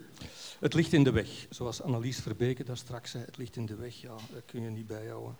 Ik heb ook al eens eerder, toen ik de bloemen, toen dat, dat bekroond werd in Nederland, in Den Haag, wou ik ook iets teruggeven. Toen heb ik ook het manuscript afgegeven. En dan de week daarna belden ze vanuit Nederland. Ja, het is eigenlijk een beetje gênant. We zijn blij met je cadeau. Maar eigenlijk hebben we de afspraak, manuscripten van Vlaamse auteurs moeten in het letterenhuis. Vind je het erg dat we het opsturen naar het letterenhuis? Dus ik probeer eigenlijk altijd er wel iets mee te doen om er van af te zijn en ook om het een beetje er iets mee te doen waardoor het wat vernietigd wordt. En in die zin vind ik het fijn om het hier af te geven, maar van bovenaf wat papieren uit te delen waardoor het ook een beetje vernietigd wordt. Anderzijds heb ik het net ook wel aan Nele doorgestuurd via WeTransfer, de laatste digitale versies. Twaalf versies, maar dat zijn die van de laatste maanden. En het boek, ik ben daar vier jaar aan bezig geweest, dus... Het is een soort van, van, ja, van zoals je uitgestrooid wordt als je verrast bent. Dat is het. je je, je Dat is het. pagina per pagina, lijkt me wel. Je, je, je verstrooit het onder het publiek. Ja, maar ik doe het sinds het boek uit is, als ik lezingen geef en de mensen kopen een boek. Dat is de marketeer in mij, doe ik er ook al een bladje bij. Dus eigenlijk was de stapel eerst zoiets. Het wordt altijd maar kleiner. Maar dat boek is intussen toch al een paar jaar oud en nu valt dat wat stil, dus ik moet, ik moet dringend iets anders verzinnen. Heb jij zelf zo'n reliquieën van, van schrijvers dat je zegt, ja, ik knip een foto van Philip Roth uit de krant, oké. maar dingen van, heb je ooit iets gekregen van collega's en zegt van, dit vind ik wel zo ja, uniek, dit vind ik een uniek stuk, om daar van het manuscript een pagina te hebben, ja, vind ik wel leuk om als lezer te hebben. Eh, ik was bevriend met Ben Kami en dat was de buurman van Louis Paul Boon. En zijn vrouw eh, is gescheiden, maar zijn eerste vrouw was Lucette. De schone Lucette die in de kapelletjesbaan voorkomt. En Kami was de kantieke schoolmeester. En ik kwam daar graag aan huis. En toen Ben gestorven was, zei eh, Micheline, zijn vrouw, ja, je moet eens komen, dan moeten we wat dingen meepakken, want zij wou ook verticuteren zeker. En ik heb van haar de drie eerste boeken van Boon gekregen met een opdracht aan Ben. Fantastisch. Ja. Dat er hou je toch bij? Ja, natuurlijk, Ja. natuurlijk. Dat zijn de boeken die beneden in de woonkamer staan. Ben jij zelf ooit, je bent hier in de kelders ook geweest, vind je dit fantastisch om te zijn? Ik wil zeggen, je voelt bijna, als je heel romantisch wil zijn, je voelt die geesten, al die ideeën, al die verhalen, die spoken daar gewoon rond. Dat heb je met zo'n catacombe natuurlijk. Dit is toch Ja. een fantastisch gevoel, ook als schrijver dan, denk ik. Ja, we hebben ooit een eh, bedevaart ingericht. eh, Pascal Verbeke, die nu Brutopia net uit heeft en die daar net hier zat. Eh, Peter Holwood Hansen, een van onze beste dichters. En Koen Broeke, een schilder. En ik, wij zijn met vieren naar de plek geweest waar Van Ostaaien gestorven is in Miavois. Een soort bedevaart. En die, we zijn eerst naar zijn begraafplaats geweest, Schoonselhoofd, maar dan zijn we recht naar hier gekomen om hier het manuscript eh, te zien zoals hij het zelf getekend, zou je bijna zeggen, heel typografisch, nadien door Jespers in echte lettertjes gezet of zo. En dat zijn inderdaad sacrale momenten samen met anderen van Ostaaie freaks. Naar zoiets kijken en dan mogen vastpakken, er niet opschrijven. Het is, eh, ja, dat is heilig, vind ik. Zeker zo de, de grootste dichter aller tijden, toch, vind ik, Ostaaie, van Ostaaie. Ja, eh, vind ik ook wel. Er zijn er nog andere, maar hij zeker. Denk je dat dit, ja, zo'n letterhuis, ehm, Ja, dit is eigenlijk de link tussen het verleden en de toekomst. Je kan bijna niet zonder. Stel dat dit er niet zou zijn, ja, dan stopt het. Hè. Dan kan zeggen, een boek heeft een leven van hoe lang? Als het een hit is, een jaar. Als het geen hit is, is men na een maand al vergeten en het stopt. Dus, uh, Pascal Verbeke komt hier Erik Verpalen terug in de belangstelling brengen, omdat hij eigenlijk al bij leven die belangstelling niet meer had. Zonder dit is er ook geen toekomst meer voor de schrijvers, denk ik dan. Ja, anderzijds, een boek is, uh, is een, een, soort fetish, een krachtvoorwerp dat op zich... Boeken kun je niet verbranden. Ze hebben het ooit eens geprobeerd in Duitsland. Ja, al die boeken die daar verbrand zijn, die zijn gewoon onsterfelijk geworden, omdat je een boek haast niet kunt vernietigen. Dat is de kracht van zo'n voorwerp, dat daar een aantal honderden exemplaren van uh, verspreid worden. In die zin vind ik die boeken tillen, zo in die kastjes waar een boek in steekt en eentje uitpakt. Ik vind dat ook heel interessante plekken, omdat je daar boeken vindt die je eigenlijk nergens anders nog tegenkomt. Zelfs al ga je in een bibliotheek, dan ga je, dan, ga je die boeken niet vinden. Daar staan boeken over Teilhard de Chardin. Wie is daar nu in hemelsnaam nog in geïnteresseerd? Dus in die zin geloof ik wel in de kracht van het object als een boek. Natuurlijk is dit een, een prachtige tempel waar het boek dan, dan vereerd wordt. Hè. Mhm. Welke werken van jou liggen hier al? Welke manuscripten zijn hier al? Of wat heb, je, heb je hier ook brieven liggen of ander uh, archiefmateriaal? Zo af en toe heb ik wel eens iets uh, gegeven. Mhm. Ik weet niet of het Kom je hier ook voor, net voor de grote vakantie alles wat je hebt geproduceerd dumpen? Ja, nee, nee. Uh, ja, nee, want... Maar misschien moet ik dat wel eens doen. Ja, ja om ruimte te hebben voor Ze aanvaarden het in dank, hè? Ja. ja. Maar ik heb eens... Ehm, ik denk voor mijn boek Meneer Shamaan. In die periode was ik bezig met rozenblaadjes uh, plukken op interessante plekken. En ik pakte die dan in een schriftje. En dat, waren, dat ging dan ook over stigma, stigmata en Maria-verering en dat soort dingen.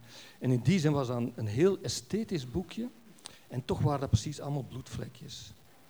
En dat heb ik ooit eens aan deze plek gegeven, maar ik weet niet of het nog in een vitrinekast ligt. Ik kijk naar Nelen.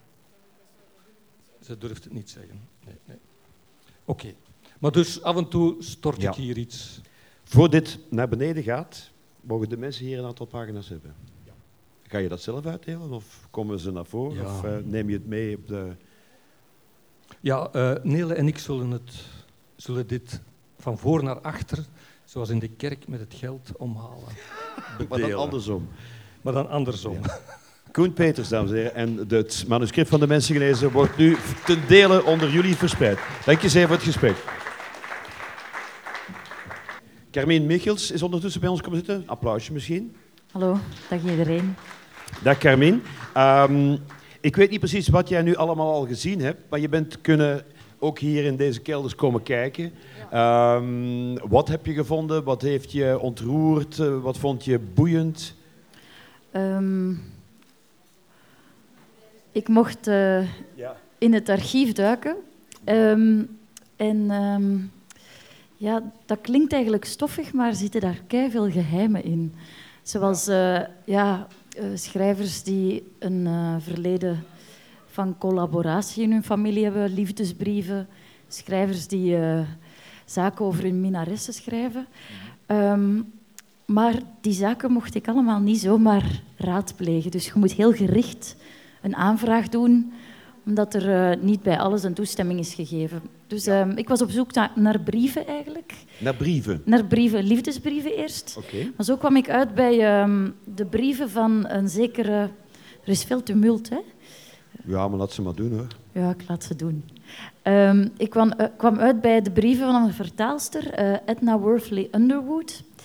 Um, die schreef brieven aan Joseph Muls, de directeur van het uh, Koninklijk Museum van de Schone Kunsten in Antwerpen in de jaren twintig. Um, en ik dacht dat het eigenlijk vrij seks zou zijn. Uh, zou gaan over ja, vertalen en, en de problemen bij het vertalen. Maar het bleek een heel gehaaide vrouw. Doorheen het lezen van de brieven ben ik, werd ik, ben ik een beetje gechoqueerd geraakt door hoe zij te werk ging. Ja, ja. en, en in, in, wat was ze dan gehaaid?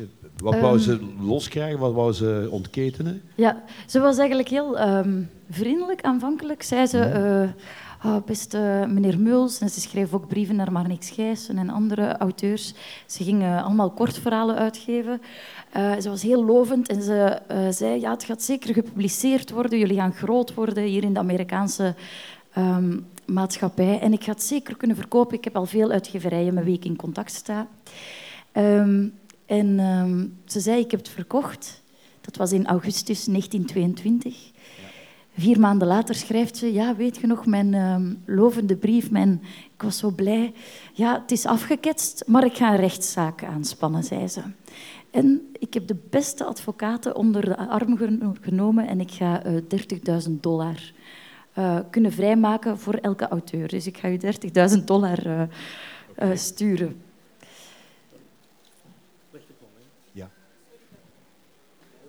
Dit is de plechtige overhandiging van het manuscript. Ja. Zo is het archief weer wat, wat rijker. Dus wat dat is 100 jaar geleden. Als je zegt van we gaan advocaten inspannen, dat, dat klinkt heel modern. Maar ja, 100 jaar geleden werd dat dus ook. Ja. Um, ja, want ze zegt echt the best of the best, the most famous, and we will win it. En het is echt zo'n heel. Um, en zo zijn er briefwisselingen negen jaar lang. Tot in 1929 zegt ze, ja, we hebben toch niet gewonnen, hier is 100 dollar uh, voor de moeite. Maar ik ga het zelf uitgeven. En een jaar later zegt ze, ja, eigenlijk um, is het normaal dat de Belgische staat, want jullie zijn een klein land, jullie willen toch verspreid worden, dat zij betalen voor de publicatie. Dus het doet me heel erg denken aan Lijm het Been van Elschot. Absoluut, ja. Um, Ze luistert er gewoon in eigenlijk. En vooral, het is wel... Um, ja, er is over geschreven in een uh, boekje van het Letterenhuis, vrij lovend. Maar ik ga haar reputatie nu een beetje dus aan de kaak stellen. Um, en ja, ze, ze heeft vertaald in 25 talen. Uh, 25, uit 25 talen. Dat betekent dat je als vertaler die finesses van die 25 talen zou hebben. Dus ik ben eigenlijk heel benieuwd, omdat ze op een bepaald moment schrijft. Ik heb het hierbij. Zij zelf heeft uit 25 verschillende talen vertalingen gemaakt naar het Engels toe dan? Ja, ja. naar het Engels toe. En um, dus op... Uiteindelijk zegt ze... Now the only thing to do for the Belgian government to do what all other governments are doing, even little islands in lonely seas, to pay for the printing of the Belgian stories and then take all the returns. Dus eigenlijk, um, ja, ik vraag me af of ze dat bij al die landen ook zo heeft gedaan. Ja, ja, ja. Um, maar ja. dat is iets wat je helemaal niet verwacht had. Je denkt, ja, ik ga hier ja. wat brieven lezen. In dit geval ja, heel uh, droge brieven over een uitgeverij, over een, een uitgeefster. En dan krijg je dit soort complotten. Ja. Dus zo rijk is het archief eigenlijk ook, hè? Ja, ze schrijft ook... Um, ja, ik wil wel eigenlijk uh, pleiten voor vertalers. Ze zijn superbelangrijk voor auteurs. Uh, het zijn echte ambassadeurs van de auteurs in het buitenland. Ja. Um, ja, zij zorgen voor het voortbestaan uh, van onze werken daar, maar ook voor omwentelingen. Bijvoorbeeld, um, er is nu een Roemeense vertaalster met wie ik veel samenwerk, die zegt ja, er zijn eigenlijk bijna geen vertalingen van vrouwen, vrouwelijke schrijvers naar het Roemeens. Mm Ze had ook een foto gestuurd onlangs van um, de, ja, de literaire wereld, een poster van een belangrijk festival met dertig uh, ja, witte oude mannen. Ja, ja. Uh, die Roemeense dan de Roemeense scene voorstelden. Ja. Dus um, ja, zij is nu van plan Joke van Leeuwen te vertalen en andere auteurs. Uh, mm -hmm dus om ook op die manier van invloed te zijn. Dus eh, vertalers hebben een heel grote impact. En net als deze Edna uh, Underwood ook wel beseft dat die kleine talen die zij allemaal vertaalt, ze vertaalt um, uit de Caraïben, uit IJsland en, enzovoort. Ze beseft ook wel dat ze daar iets belangrijks heeft om ja, aan te bieden aan de Vlaamse auteurs. Dat is een project waar je mee bezig bent, hè? CELA, dus Connecting Emerging Literary Artists. Ja, voor talen zoals die van ons, het Nederlands of het Vlaams, is het dus heel moeilijk om buiten de grenzen. We raken niet eens in Wallonië, bij wijze van spreken, meestal. Um, Nederland is al dan dezelfde taal, maar ook al moeilijk. Um, in hoeverre denk je dat zoiets leefbaar is? Want dat, ja, dan krijg je direct een markt. Hè. Zit men in Amerika of in grote taalgebieden te wachten op vertaalde Vlaamse of Nederlandse auteurs? Um, ja, het is eigenlijk een, een project tussen kleine landen. Mm -hmm. dus juist Roemenië en ja, Italië, um, uh, Portugal, Spanje zit er ook bij. Dat is wel een grote taal, maar het is de bedoeling eigenlijk om auteurs van die landen, en Nederland en België, met elkaar kennis te laten maken. dat heeft er wel voor gezorgd dat ik ehm, heel veel respect heb gekregen voor de job van de vertaler. Uh, dat is echt een kunst op zich. Mhm. Ehm, de meeste vertalers die zijn ook verhuisd naar het land uh, van de, de, taal waaruit ze vertalen om de finesses en de spreekwoorden te leren kennen en zo. Um, nu, de markt zit daar niet op te wachten, denk ik per se, maar het is wel een, een, een ja, een, uh, een goede vertaler is echt een belangrijke ambassadeur, weet dat te verkopen aan een mhm. uitgever. Een uitgever maakt dan publiek warm en, en zo komt dat toch. Ja. Hoeveel vertalers denken dat hier in het archief zitten? En... Nog niet zoveel. Want, ja. um, Zij was Amerikaans, uh, Ja, ja. De, de, medewerkers van het Letterhuis hebben mij ook wel een beetje richting deze brieven gestuurd, omdat ze graag uh, vertalers meer aandacht willen geven in hun archief. Um, maar ik heb er wel echt heel veel uit opgestoken, behalve naast de materie, dat, um, naast de zaak dat het um, mij niet direct ja, een bekende vrouw was of mm -hmm. een thematiek die mij lag. ja, las ik zaken over hoe ze over uh, Joodse mensen schrijft, bijvoorbeeld. Daar kan ik een fragmentje uit voorlezen. Ah ja, graag. Ja, ik heb wat delen uit de brieven bij. En dat zijn getikte brieven? Ja, het zijn getikte brieven. Sommige zijn met de hand geschreven, maar die kon ik eigenlijk niet. Uh... Maar alleen al, de, dit vind ik al heel leuk aan zo'n archief. Ja, De vormgeving van zo'n ouderwetse ja. Tikmachine en de, de bladindeling, dat is ook allemaal veranderd, maar ook weer uit welke datum is dit? 1926. 1926. En ook ze, er zit ook zo een envelop tussen en daar uh, schrijft ze gewoon naar Marnix Gijssen, nee, naar Ernest Klaast. Uh, en dan novelist, short story writer, Brussels, Belgium. Dus zonder straat of adres erbij. Gewoon, het is een schrijver in Brussel. En de post zal het wel vinden en dat, dat werkte zo. Um, maar ja, ik haal er misschien nu de negatieve zaken uit. Hè, maar um, die vielen mij gewoon op dat, dat er zo'n uh, gekke zaken in stonden. So many publishers have um, read the Flemish short stories. Some of their editors have called them very fine, which they are, but most translating in my country is done by the Jews who claim the field as their own, and it is hard for a Gentile to get past them. Um, ah ja, dat viel wel mee, maar ja... Ze beschuldigt een beetje de Joodse ja. vertalers om de markt te claimen eigenlijk. Ja, je leest alles zo met een andere bril vanuit dit perspectief. Ja. En ook over um, ja, ze is heel competitief. Dus ze zegt, I beat England to it. See, I will be the first in presenting writer, writers of the Orient. En op een bepaald moment zegt ze ook, um, heeft het over een collega in Engeland. Um, zegt ze eigenlijk, ja, ze, ze doet geen enkele moeite voor de vorm of de vers. Ze is eigenlijk geen echte poet. Uh, she's not a real poet. Dus zo schrijft ze heel de tijd. Mm -hmm over... Um, Hoe zijn die brieven hier terechtgekomen? Uit het archief van Joseph Muls mm -hmm. en uh, Ernest Klaas, maar niks Gijzen.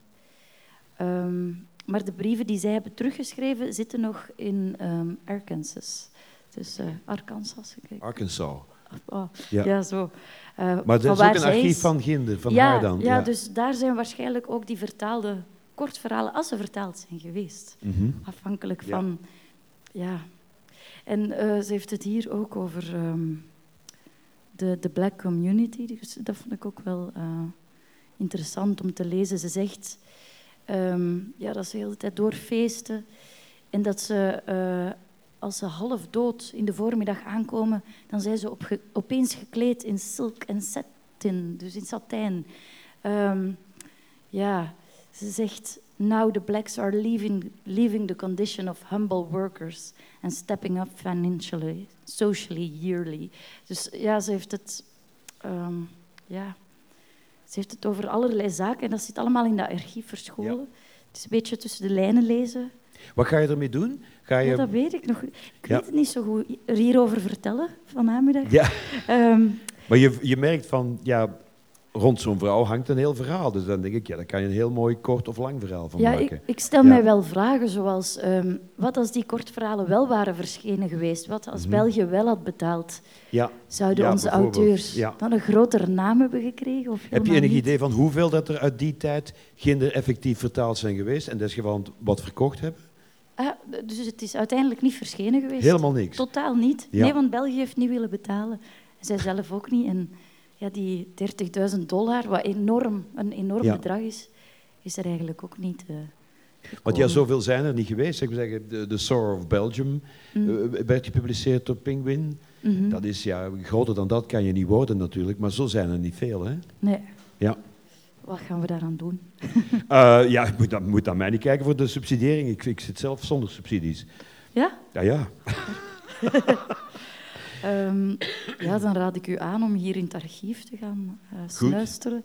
Ehm, Maar je bent zelf niet van plan om daar eh, iets rond te schrijven? Want ik denk van, ja, als je, jij hebt nu inkijk tot dit en het, ja, het zegt toch veel over die periode, over die vrouw en over ja, het vertalen van, van Vlaamse werk in, in, in, het, in het geheel.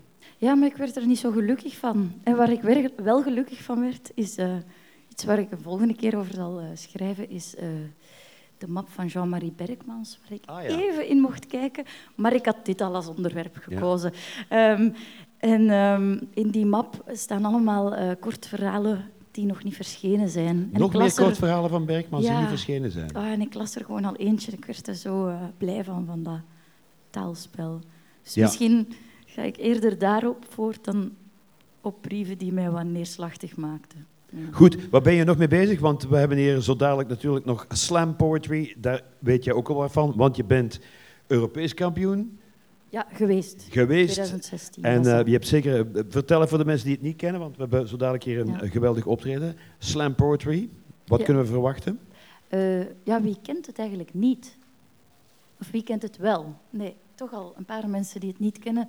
Ehm, ja, slam poetry is een genre dat is ontstaan de jaren tachtig als wedstrijd met drie regels, maximum drie minuten spreken, eh, je eigen tekst brengen. En ehm, het komt een beetje van de rap, de poëzie, de speech, performance samen. Maar belangrijk is dat je geen instrument gebruikt, geen eh, attributen of kostuums. En zo- Kostuums ook niet? Nee, Oké, niet verkleden, geen, geen rare neus op, nee, gewoon gaan. ja, inderdaad. Mag je dansen? Ja, je mag Ja. dansen, je mag zingen, beatboxen, van alles. Ehm, het gaat erover dat je krachtig iets overbrengt naar een publiek en eh, mensen raakt in hun harten en in hun eh, buiken. Zoiets. Ja, en ehm,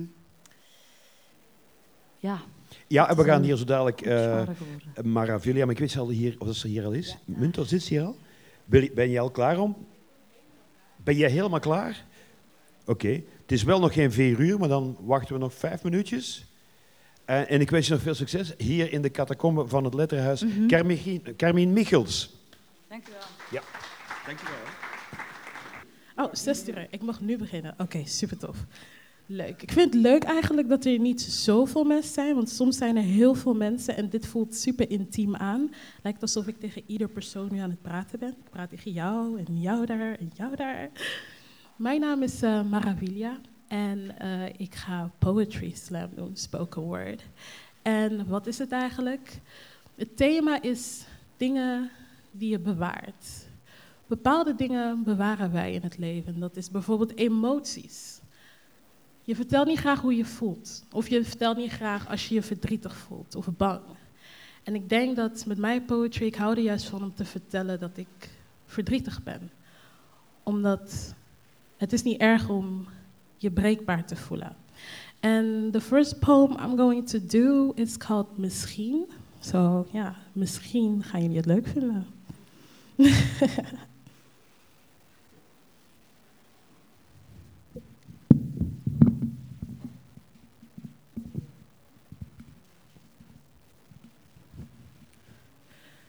Misschien. Misschien ligt het aan mij. Misschien ligt het gewoonweg aan het feit dat ik te veel van mezelf weggeef. Maar ik geef alleen aan de mensen om wie ik geef, dus moet ik nu stoppen met geven om mensen of geven aan mensen? Want als ik terugga in het verleden, dan was ik weer degene die jouw foute daden niet op het hart moest nemen. Omdat je het totaal niet meende. En ik ben dan altijd bezig met het ontleden van jouw zinnen, het vertalen van de niet gemene, gemene woorden. Maar waarom kunnen we niet simpelweg dezelfde liefdestaal spreken? Waarom lukt het jou niet om de woorden te gebruiken die niet tot jou, mij, maar tot ons woordenboek toebehoren?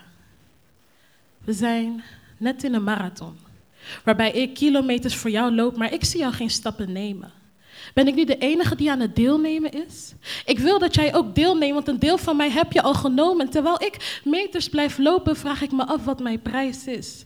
Want hoe kan ik je voor me winnen als ik je meters geleden al uit het zicht had verloren? Dus wil je mij? Of wil je mijn loyaliteit?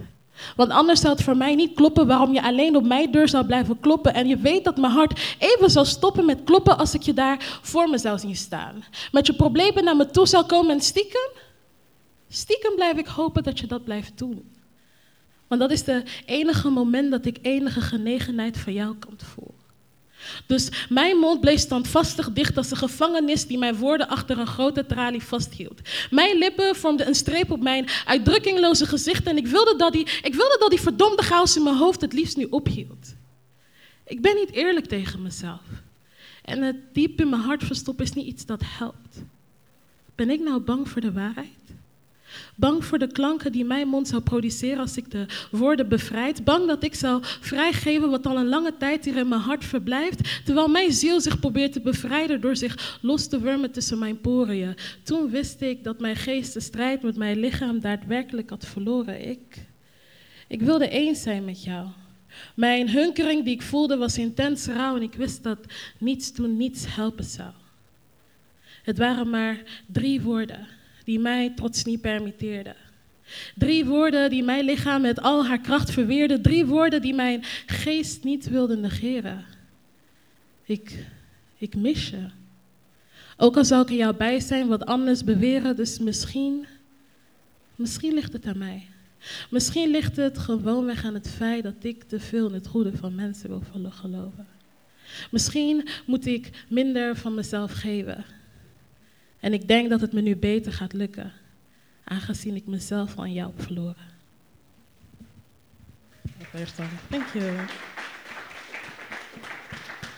We gaan niet al te emotioneel worden hoor vandaag, jongens. Dat gaan we niet doen.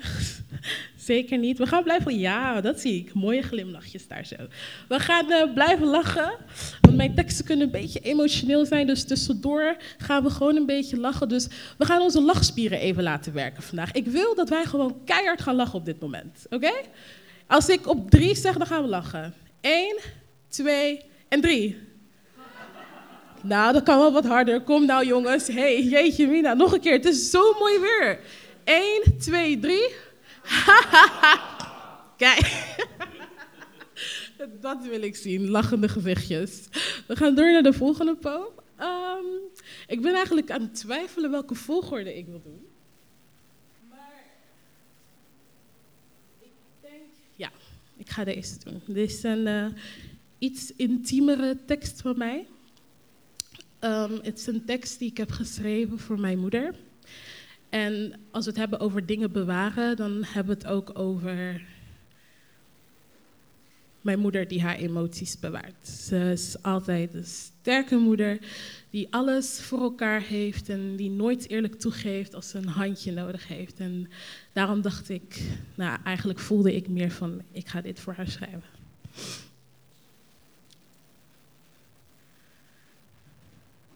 Mama, Mama, mama, mama. De vier letters die mijn mond vulden. De vier letters die mijn broer en ik kunnen zeggen. De vier letters die mama nog moest verwerken. De vier letters waar ze tegen wilde zeggen. Mama. Mama wilde weten waarom zij zo vroeg mama moest gaan lopen spelen. Mama begreep niet waarom iedereen een mama had en die van haar, van haar was plots verdwenen. Ik? Ik zie mama nooit huilen. Maar mijn zintuigen voelen meer. Heb je wel eens een ziel stil horen huilen, want haar hart heeft ze de rug toegekeerd? Nee, ze is niet harteloos. Maar wel harteloos. Haar hart heeft ze niet meer. Sinds haar mama jong is overleden, voelt ze zichzelf niet meer. Mama. Mama, ze is zo breekbaar als porselein, maar iedere dag raapt ze zichzelf weer bij elkaar op. Haar beste maat is een potje lijm die daar ligt. Ze lijmt zichzelf weer elke dag aan elkaar, maar zelfs een prachtige porseleinen beeldje is van binnen leeg en hol.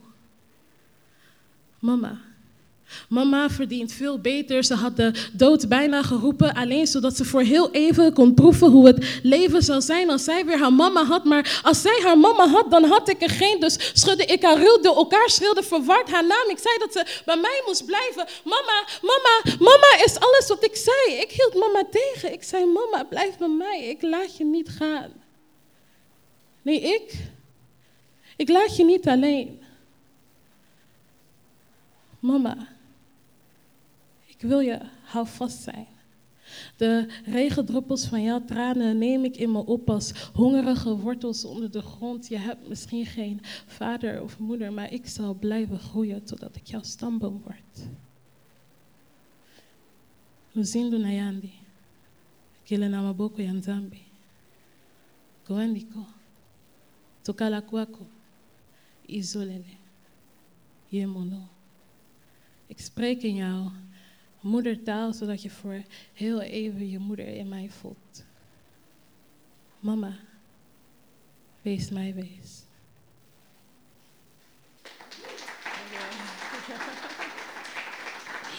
Blijven lachen, jongens. Blijven lachen.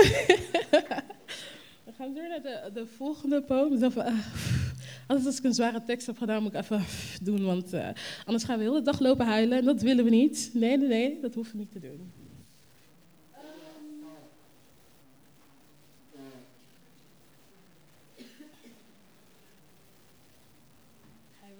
Doen. Ik denk dat er uh, bepaalde dingen die wij vaak als uh, taboe zien. Zo. Heel veel dingen zien wij soms als taboe. Zoals depressie. Iets wat je ook bewaart en wat je liever niet tegen andere mensen wilt zeggen. Maar het is belangrijk om te spreken natuurlijk. Want als je eenmaal in zo'n donkere gat zit, dan lijkt het zo moeilijk om eruit te gaan. En het lijkt net alsof er geen licht is aan het einde van de tunnel. Dit is geen poem, by the way, ik ben echt aan het praten. maar ja, soms komt het over alsof ik een gedicht zeg iedere keer. Maar het lijkt alsof er geen licht is aan het einde van de tunnel. En ik had er soms ook moeite mee, omdat ik een, een tijdje, ik ben ook een tijdje depressief geweest. En um, dat was een hele moeilijke tijd voor mij. Omdat ik, ik had mensen om mij heen die om mij gaven en tegen mij zeiden: Het komt helemaal goed, maak je maar geen zorgen. Maar het is nog steeds iets miste. En aangezien het vandaag is van het thema is: Wat bewaar je? Zal ik mijn diepste geheimen, nou oké, niet zo diep, maar iets dieper delen met jullie. Dit bewaar ik.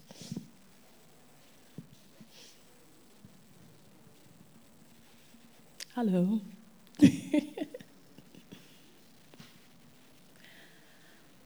Als een flits voor mijn ogen zie ik een reflectie van mezelf in het ijzeren scherpe mes. Dat het vlees van mijn lichaam meermaals heeft kunnen ontmoeten. En ik zoek de juiste aderen in mijn armen als een weg. Waarbij ik weet dat ik de werkelijkheid nu voor altijd kan ontvluchten. Mijn armen mijn armen dragen nog steeds het relief van mijn verleden vroeger. Het kloppen van mijn hart dat maar toen niet wilde stoppen. De pillen die ik inslikte als een zak zoete dropjes. De littekens die ik verberg om geen tekens te kunnen geven dat ik deze vertekende wereld van perfectie eigenlijk probeer te vergeten.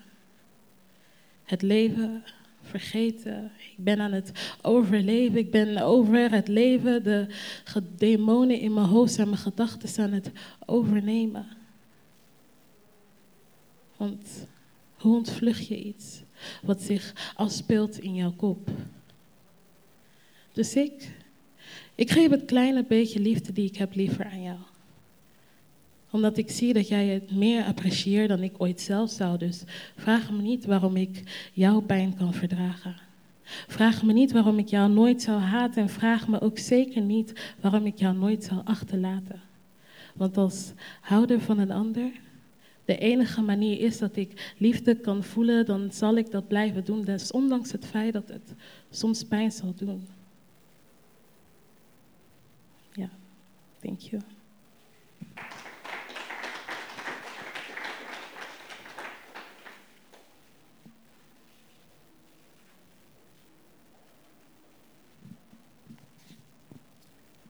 We need to keep the happy energy, you guys.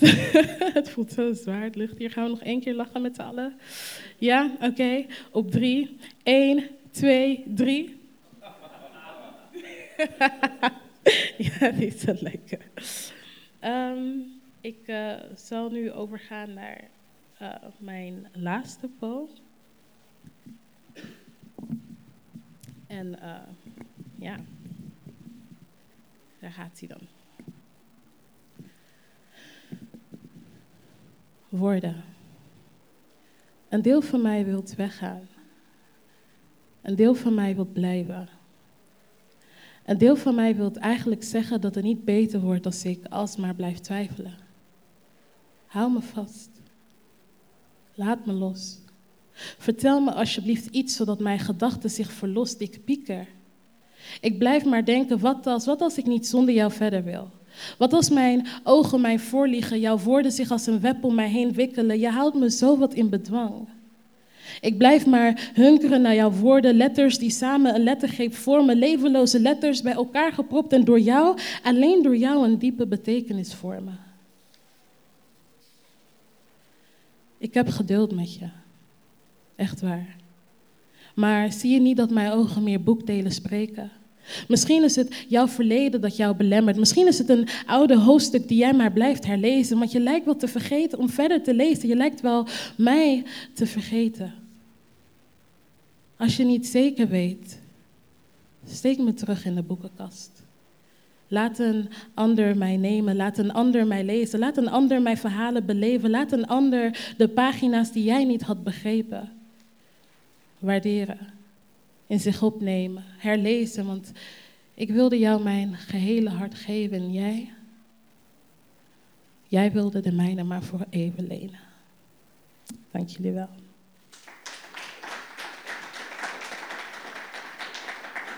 Ik hoop dat jullie ervan genoten hebben. Ik heb van jullie genoten, dus uh, ik zeg het gewoon maar. dus ik geef een applausje naar jullie. Dank jullie wel om zo lief en attent te zijn. Ja, dat was geen mooie applausje, ik doe het even zo. Dankjewel. en uh, hopelijk zie ik jullie nog eens een keer terug, ergens in de stad. Zeg maar hallo. Ik zeg hallo terug. Fijne dag verder. Ja, ja, zo'n middag schiet goed op. We zitten bij al in het laatste blokje. Uh, we gaan nog uh, ja, tot vijf uur tot aan de muziek nog wat doorpraten. En we gaan het eerst hebben over Maurice Gilliams. Want Annette Portugies, die heeft eigenlijk bij wijze van spreken letterlijk gewoond in het letterenhuis, bijna, om te werken aan uh, ja, een biografie over deze Vlaamse dichter en auteur. Annette Portugies, applausje dames en heren.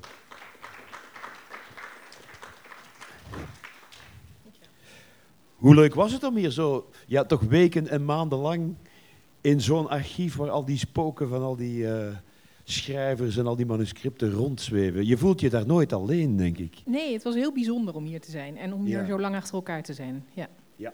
En wat heb je allemaal gevonden? Want natuurlijk, Maurice Gilliams is bekend. We weten wat, er, wat hij allemaal geschreven heeft. Maar wat vind je dan nog... Jij kent hem natuurlijk ook door en door. Je bent bezig aan die biografie. Wat vind je hier dan nog waarvan je zegt... Man, oh, dit is toch fantastisch dat ik dit hier nog tegenkom. Of dat ik dat en dat leer.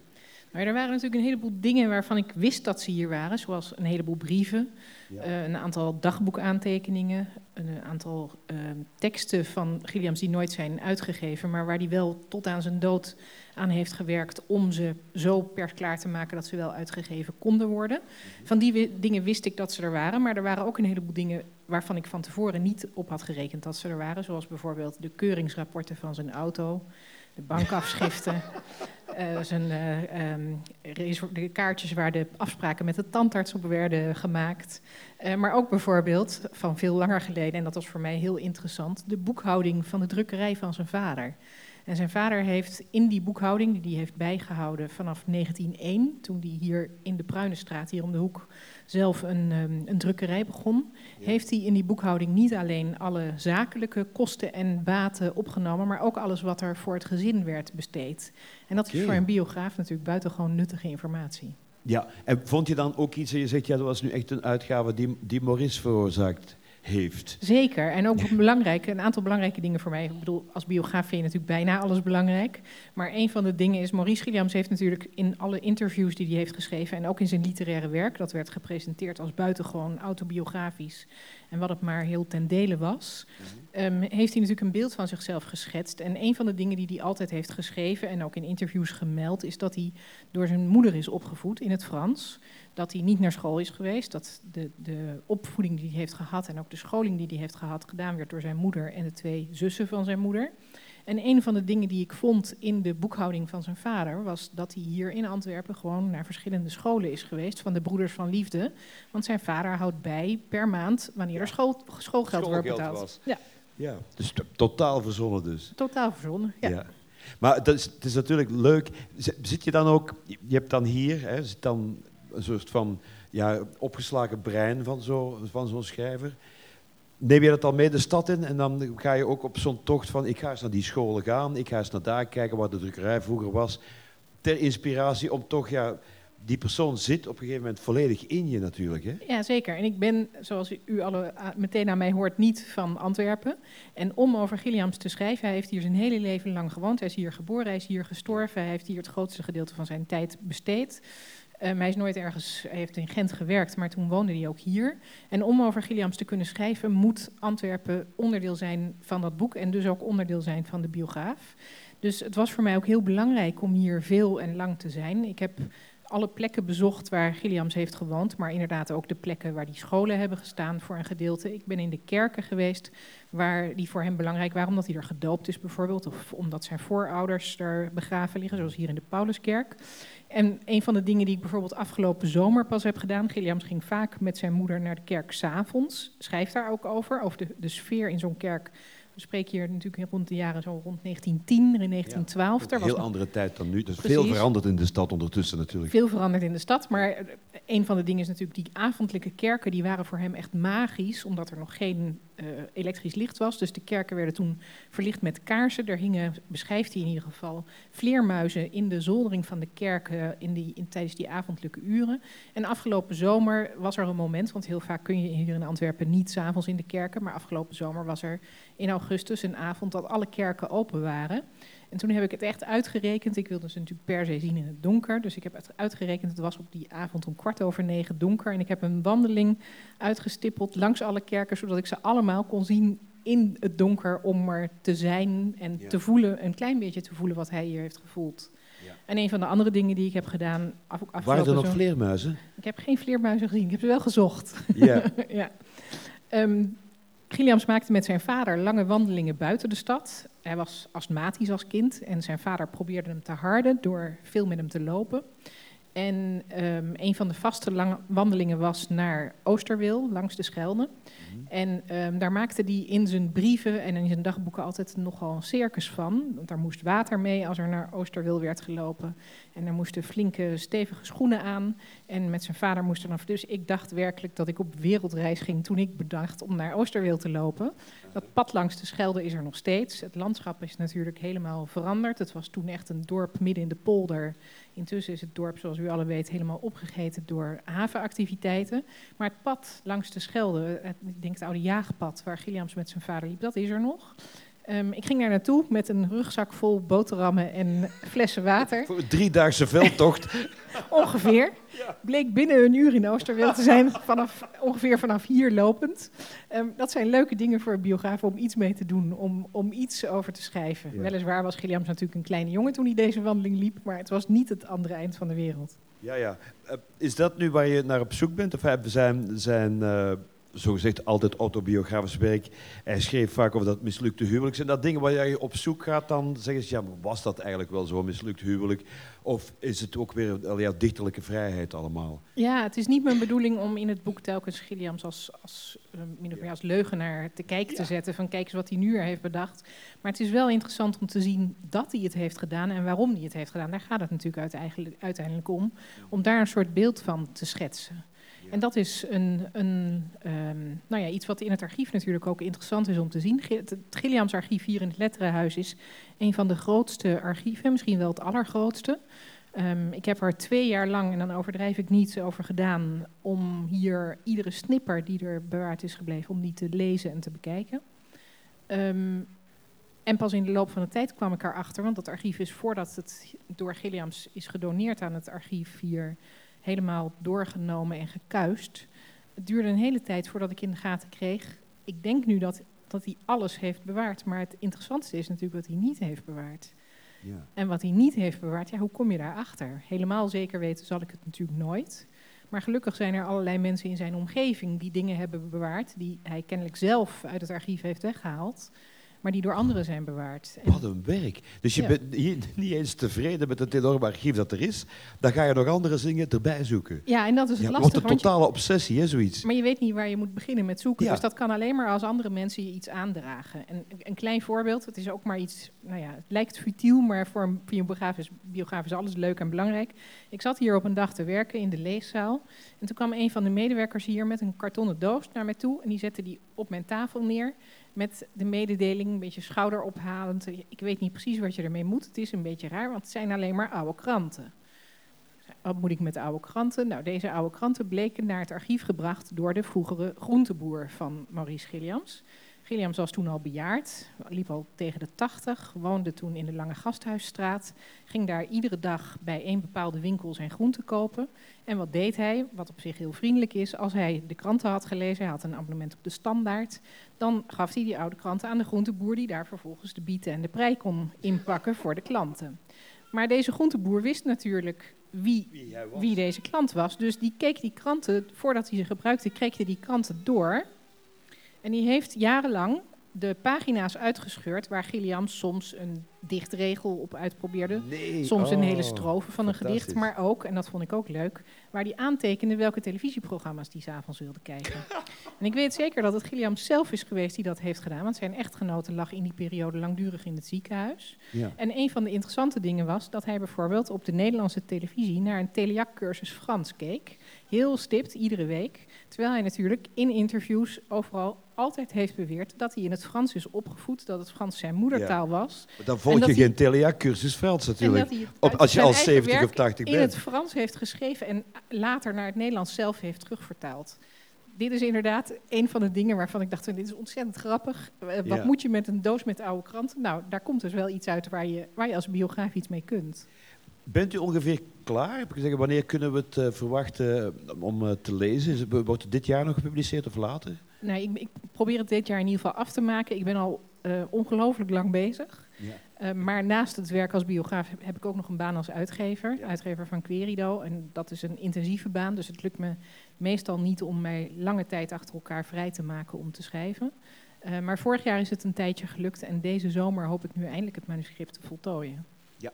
En wordt het ook zoiets, stel nu dat er, dat er toch mensen zijn die, die Gilliams maar vaag kennen of helemaal niet kennen.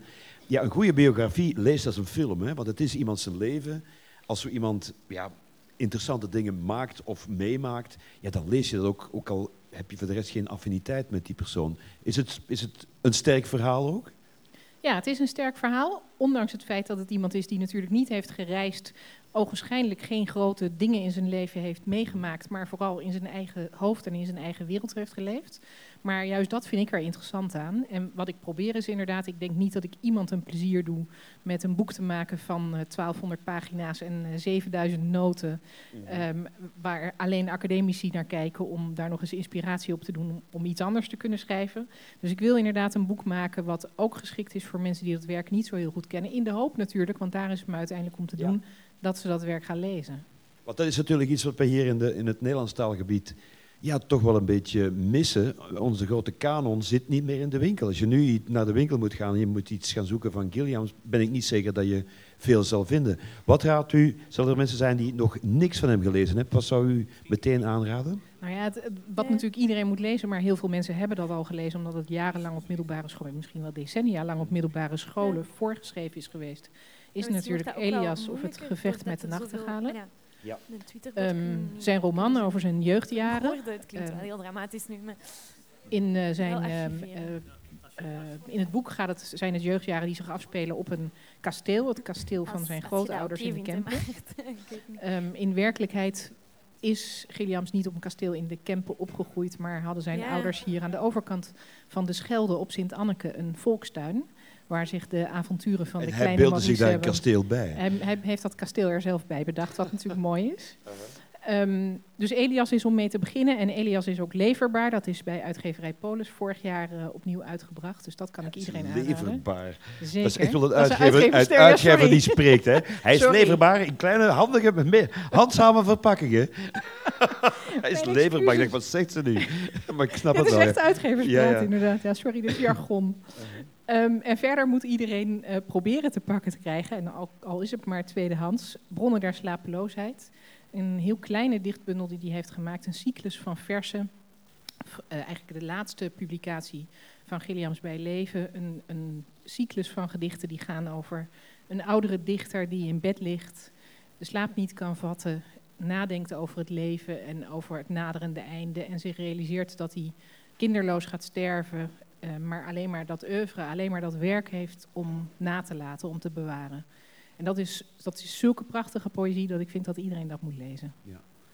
Dat vat dat ook mooi samen eigenlijk. Hè? En daarom is er ook het Letterenhuis. Precies. Dat is wat er wordt nagelaten. Dat is wat ja. zal blijven bestaan. Ja. Ik kijk er erg naar uit. Dank je zeer, um, Annette Potte, uh, Portugees.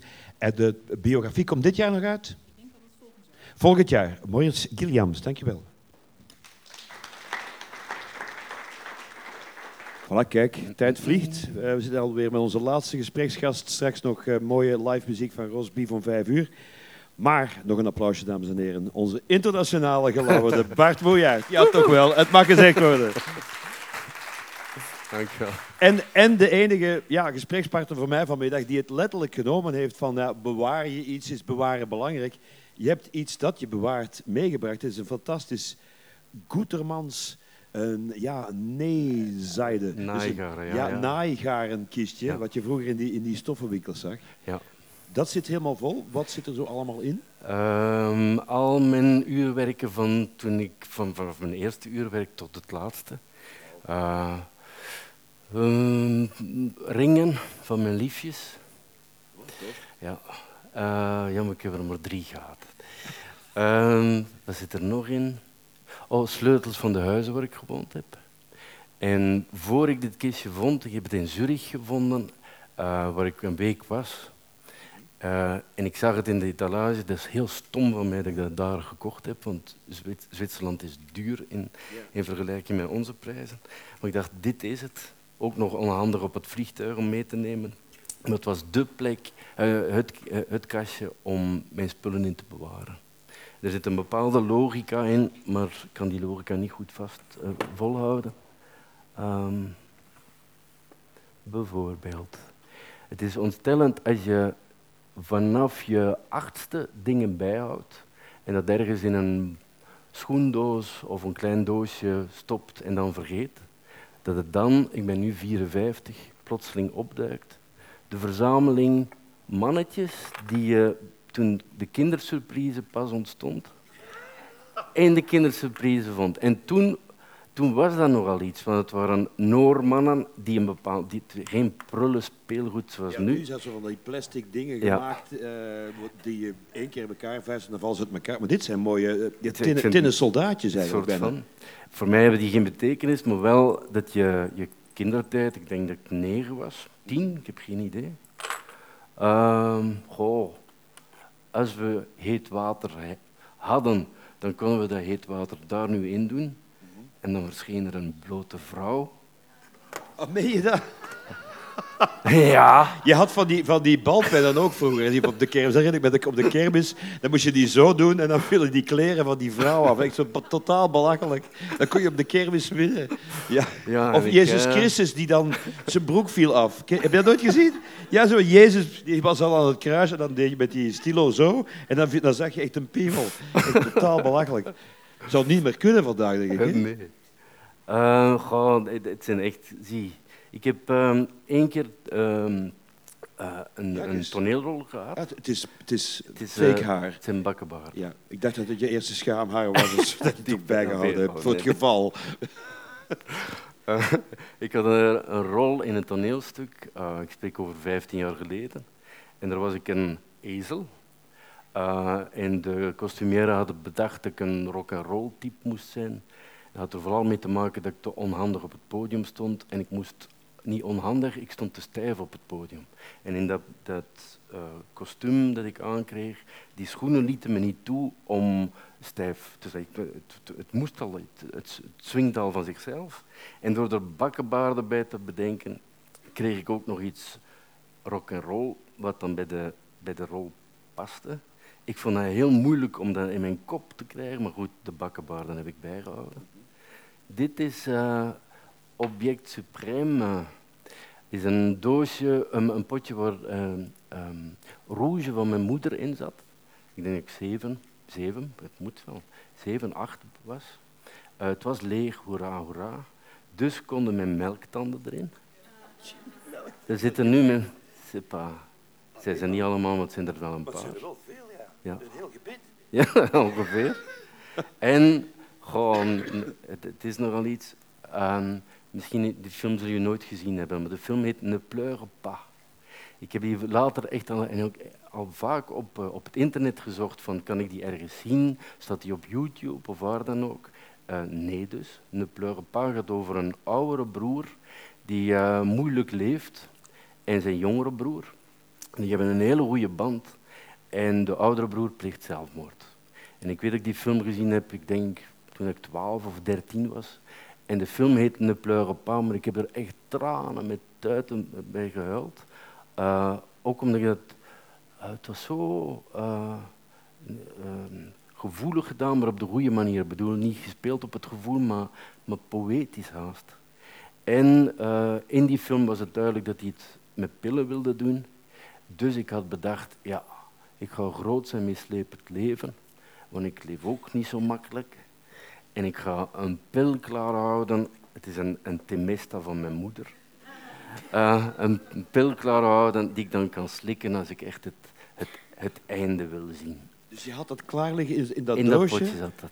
ja. Met je tanden? Nooit gebruikt. Dus hè. de melktanden en een... En een ik Ja. maak er een eindtandpilletje. Vraag me niet waarom ik dat dan op die manier deed. Eh, wat er nog bijzonder is, maar dat, dat is... goh, eh, ik denk dat u dat ook wel heeft, dat u een wandeling maakt waar u beslissingen neemt eh, die uw leven zullen veranderen. Ik kan heel goed wandelen aan zee, omdat je dan heel ver kunt kijken. En bij die wandelingen eh, raap ik wel eens iets op. Iets belachelijks, meestal. Vind het eigenlijk nog wel boeiend, want dit, Ja, is, ja, ja. dit is eigenlijk gewoon... Ja, als je in Nederland zou doen, zou je heel de containers kunnen oprapen op het, op het Ja. strand. Zie je ook ehm, champagnekurken van eh, moment je eerste huis eh, enzovoort. Nu vind ik het ding niet. Het zat op het strand gevonden. Ja, wel. ja. Op één, het gaat over mijn, mijn relatie van toen, die niet goed liep. En het ging over vrijheid in mijn kop. En ik vind een plastic vogeltje met de wijdgespreide vleugels.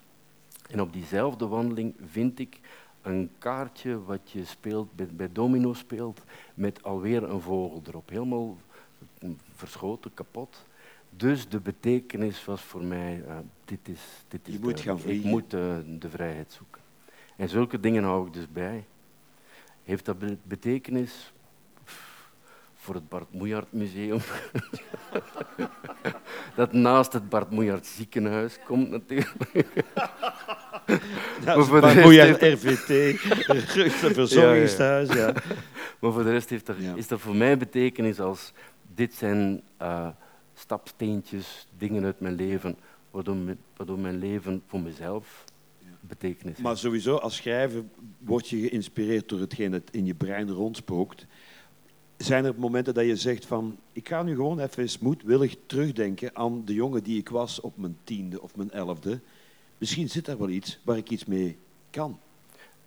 Uh, je gebruikt het woord moedwillig en moedwillig doe ik het niet, denk ik. Dat gebeurt dan. Maar het is wel net andersom. Ja. Um, er is echt iets heel merkwaardigs. Een paar maanden geleden waren tien uh, Engelstalige uitgevers uit Amerika, Nieuw-Zeeland, Australië, Groot-Brittannië op bezoek in Amsterdam. En we waren met zes schrijvers die onszelf mochten voorstellen en ons laatste boek. En op de trein naar Amsterdam zit ik te bedenken van hoe pak ik dit, of voor ik vertrek bedoel ik, hoe pak ik dit aan? Um, en ineens besef ik dat in tegenwoordig heet iedereen sorry, uh, treft Bianca, het hoofdpersonage, halverwege het boek tot haar grote verbazing haar soapactrice, haar, haar grote ster, treft ze aan in de woonkamer bij hen thuis. En ik, ik heb altijd gedacht van waar haal ik dit eigenlijk, want die, die scène bestaat al heel lang. En ineens besef ik, ah, er is een dag geweest dat er bezoek ging komen bij ons thuis. En dat was een, een goede vriend van mijn vader, die altijd pakken droeg. Ik herinner me dat zo, omdat de man was van stand. En hij belde op, want hij zou nog een vriendin meebrengen, of dat kon. Uh, ja, dat kan natuurlijk. En de voordeur gaat open. En tot de grote ontsteltenis van mijn moeder staat Marva voor de deur. De echte Marva? De enige echte Marva. Mijn moeder had drie idolen. En dat was Nana Mouskouri, Mireille Mathieu en Marva. Maar die twee anderen konden toevallig die middag niet. kan er niet meer. maar daar was wel Marva. ja. Dus heeft ooit in onze woonkamer Marva in de luie stoel van mijn vader gezeten. Waar dan naderhand nog paaltjes omheen gezet zijn en een, en een, een kaartje van hier Marva. zat Marva. Echt waar. Uh, maar ik bedacht het ineens van, oh, dat is zo. Dus ik heb snel op internet een grote foto van Marva gezocht. Dan wist ik, dit kan ik vertellen. En terwijl ik zocht, en vandaar dat ik het vertel, zit ik, zit ik, ben ik tien waarschijnlijk, want ja, Marva was er toen.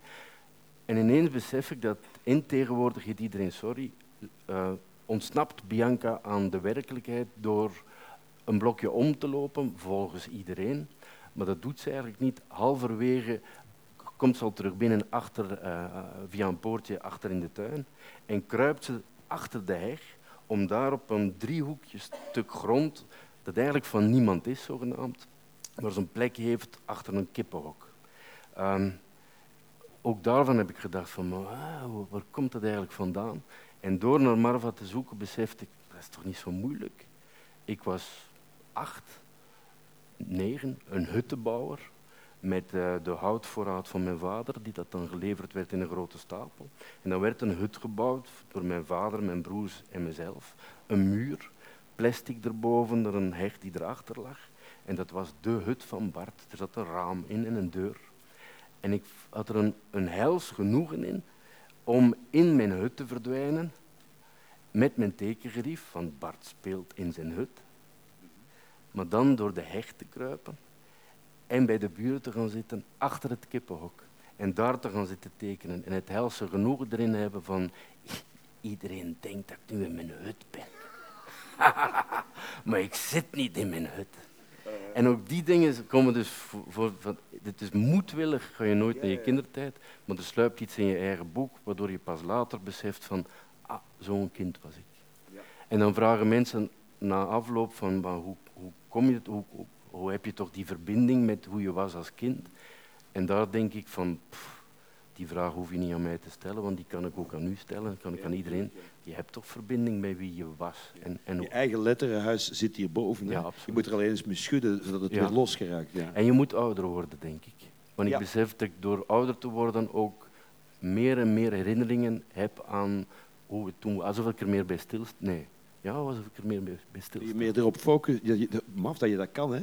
Terugfocussen en scherp stellen op dingen die 50 jaar of 40 jaar geleden gebeurd zijn. En dat het om geuren gaat, dat het om een klein stom feit van niks gaat, dat vind ik super. Hou jij uh, ja, met opzet dingen bij? Of dit zijn allemaal dingen die onderweg toevallig ja, een verzamelingje werden? Ja, en ik heb een... Ik, heb, maar dat is, ik weet niet waarom ik dat doe. Uh, ik heb een echt een heel groot archief van mezelf.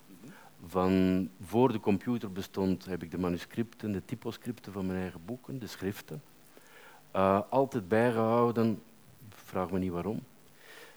Uh, Omdat je het niet kon weggooien ook. Dus het is toch heel veel emotie van jezelf dat erin zit. Hè? Die, uh, die Bloed, zweet en tranen. Hè? Die vrijheid van daarnet. Mm -hmm. Ik verhuis, ik verlaat de plek waar we samen woonden. En ik maak schoon schip. Dat moet je nooit doen, schoon schip maken. Haha. Want ik denk, kom, ik ga nu opruimen, deze boekenkast moet leeg. En mijn tikmachine, mijn schrijfmachine van, die ik gekregen heb van mijn vader, ik weet nog dat ik het gedaan heb in een zwarte plastic zak. Dit gaan we toch niet bijhouden. Zwarte, zwart, een mooie tikmachine van mijn vader die ik zelf zwart geschilderd had toen ik, weet ik veel, tien was. Het, het toestelletje waar ik, waar ik dingen mee deed. En dat doe je. Dus daar heb ik dan dikke spijt van. Om maar te zeggen dat ik nog altijd uh, de badge van toen ik weet ik veel was, waar was, hou ik dan bij. En dat is niet het pretentie van, kijk eens, ik was in ja. Tokio, maar gewoon, ik vind dat een mooi ding. Dan woon je groot. Ik zeggen, want een archief wil ook zeggen dat je, plaats, je moet daar plaats voor hebben. Hè. Je moet heel de kelders, heel de uh, zolderkamers vol met en ook gerangschikt per jaar. Of, of duw, je het, duw het maar ergens binnen? Het is ongelooflijk hoeveel er in een kamer past.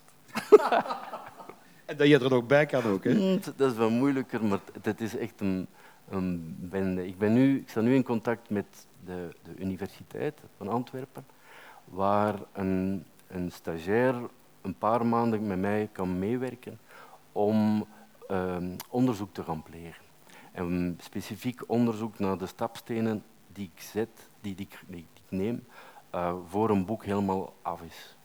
Uh, ik heb er rare gewoonte van ook op computer, uh, wat ik vandaag gedaan heb, kopieer, kopieer, ik morgenochtend en noem ik definitieve versie nummer 88, om daarop te werken, om dan de volgende dag weer definitieve versie 89. Maar je behoudt 88, ja, want ik ben ongewijzigd. Ja, ik ben bang dat ik een week later denk van nee, nee, nee, toen was het Die, toch beter. De versie 13 was toch de beste? Ja, ja. En dat is ik wil mezelf er niet mee bezighouden, want ik, ik, ik, ja, ik, zie het niet. Maar ik denk dat het heel interessant studiemateriaal kan zijn van, over de, van de genese van een boek.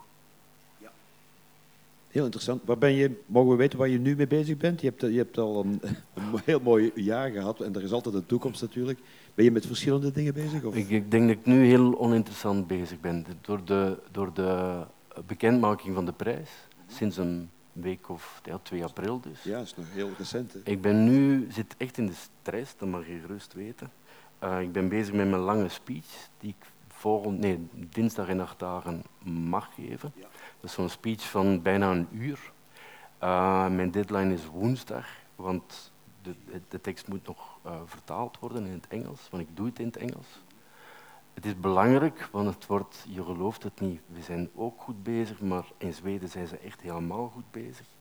En ze nemen de, de speech op voor de televisie en dit wordt uitgezonden op de televisie ook nog eens. De speech van de laureaat van dit jaar. Dus de dingen die ik vertel, uh, pak ik persoonlijk aan. Ik zit in de strijd omdat ik bang ben dat ik het misschien te persoonlijk heb gemaakt, want ik baseer het op de dementie van mijn vader, de dementie van mijn moeder, om aan te duiden hoe belangrijk taal dan wel is. Want als je het verliest, ben je, het, bedoel, ben je ja. nog maar weinig. Uh, en hoe verdrietig dat is. Uh, maar daar ben ik nu naartoe aan het werken. En ik wil meenemen wat ik uh, een dikke maand of een kleine maand geleden heb gezegd. Het belang van rolmodellen het belang van het letterenhuis bijvoorbeeld, laten zien, op elk moment laten zien hoe belangrijk literatuur, lezen, uh, leesbevordering is. Dus ik heb het over ouders, leerkrachten, instanties. Rolmodellen bedoel je dan om literatuur en lezen te blijven promoten? En dat kunnen dus de leraars zijn, je pa, je ma, Ja. maar ook ja, eh, rock, rock en rollsterren. Die, vroeger waren er altijd referenties gedaan. Bowie deed dat. eh, Ja. Hij maakte referenties naar dichters, naar schrijvers, naar Verlaine, Rimbaud. Ja, dat Ik zijn denk- dingen die je, zo heb ik die ook leren kennen, snap? Je- Je wordt door andere mensen iets aangegeven en dan neem je dat mee. En ik denk zelfs, dat, het is leuk dat die muziek nou, ik kan er nog iets mee doen, dank u wel Marcel. Ja. Ik heb in de krant een week na de ehm, bekroning eh, iets gezegd over leerkrachten. Iets, iets wat hard is aangekomen, waardoor het debat is ontstaan. Dat als je leerkracht bent, onderwijzer, eh, eh, docent in een middelbare school of een leerkracht in een middelbare school, dat je eigenlijk je publiek door en door moet kennen dat kind en de, of die jongere totaal moet kennen. En dat ik dus ik, ik word er echt te streng in, omdat, ik, zelf de, de zoon ben van een onderwijzer die later inspecteur is geworden. Bij leven vond ik het verschrikkelijk dat mijn vader dat zo verdedigde. Maar nu weet ik van, man, man, man, ik, mag, ik vind dat we strenger mogen worden. Dat je dus door en door een kind moet kennen of een jongere moet kennen. En dus ook wat een kind leest eh, zo aanbrengen dat het niet is van jij moet lezen, maar dat het is van ik vind lezen prettig en jij dus ook. Ik, ik ben mezelf, ik ben rolmodel. Extra moeilijk in deze tijd waar, ja, wat wordt er nog? Alles is digitaal en kinderen worden vanaf een, ja, twee, drie jaar zijn ze aan het swipen en aan het kijken en aan het zappen en aan het doen. En een boek, ik heb nu een kleinste van 12 jaar, die zit nu alleen thuis. Ik moet lezen voor school. Ik zeg, ja, maar dat vorige boek dat je moest lezen, vond je leuk? Ja, maar dat was dat vorige boek. Ik vind lezen niet leuk. Ja, dus straks is het afrekening. Morgen gaan we dus een aantal uren samen lezen. Anders krijgt dus een boek nooit. Dus je moet het Ja. bijna ja, Weet je dat die, dat, die, eh, dat, die, dat vuur, zal ik maar zeggen, want het is ook een soort van woede, bij mij is opgedoken omdat ik in de interviews na de bekroning altijd hoorde wat jij net zegt. Eh, ze lezen niet meer, ze zijn met de iPad bezig. En ineens bedacht ik van, hey, hoe vaker dat we dat herhalen, hoe meer waar het wordt.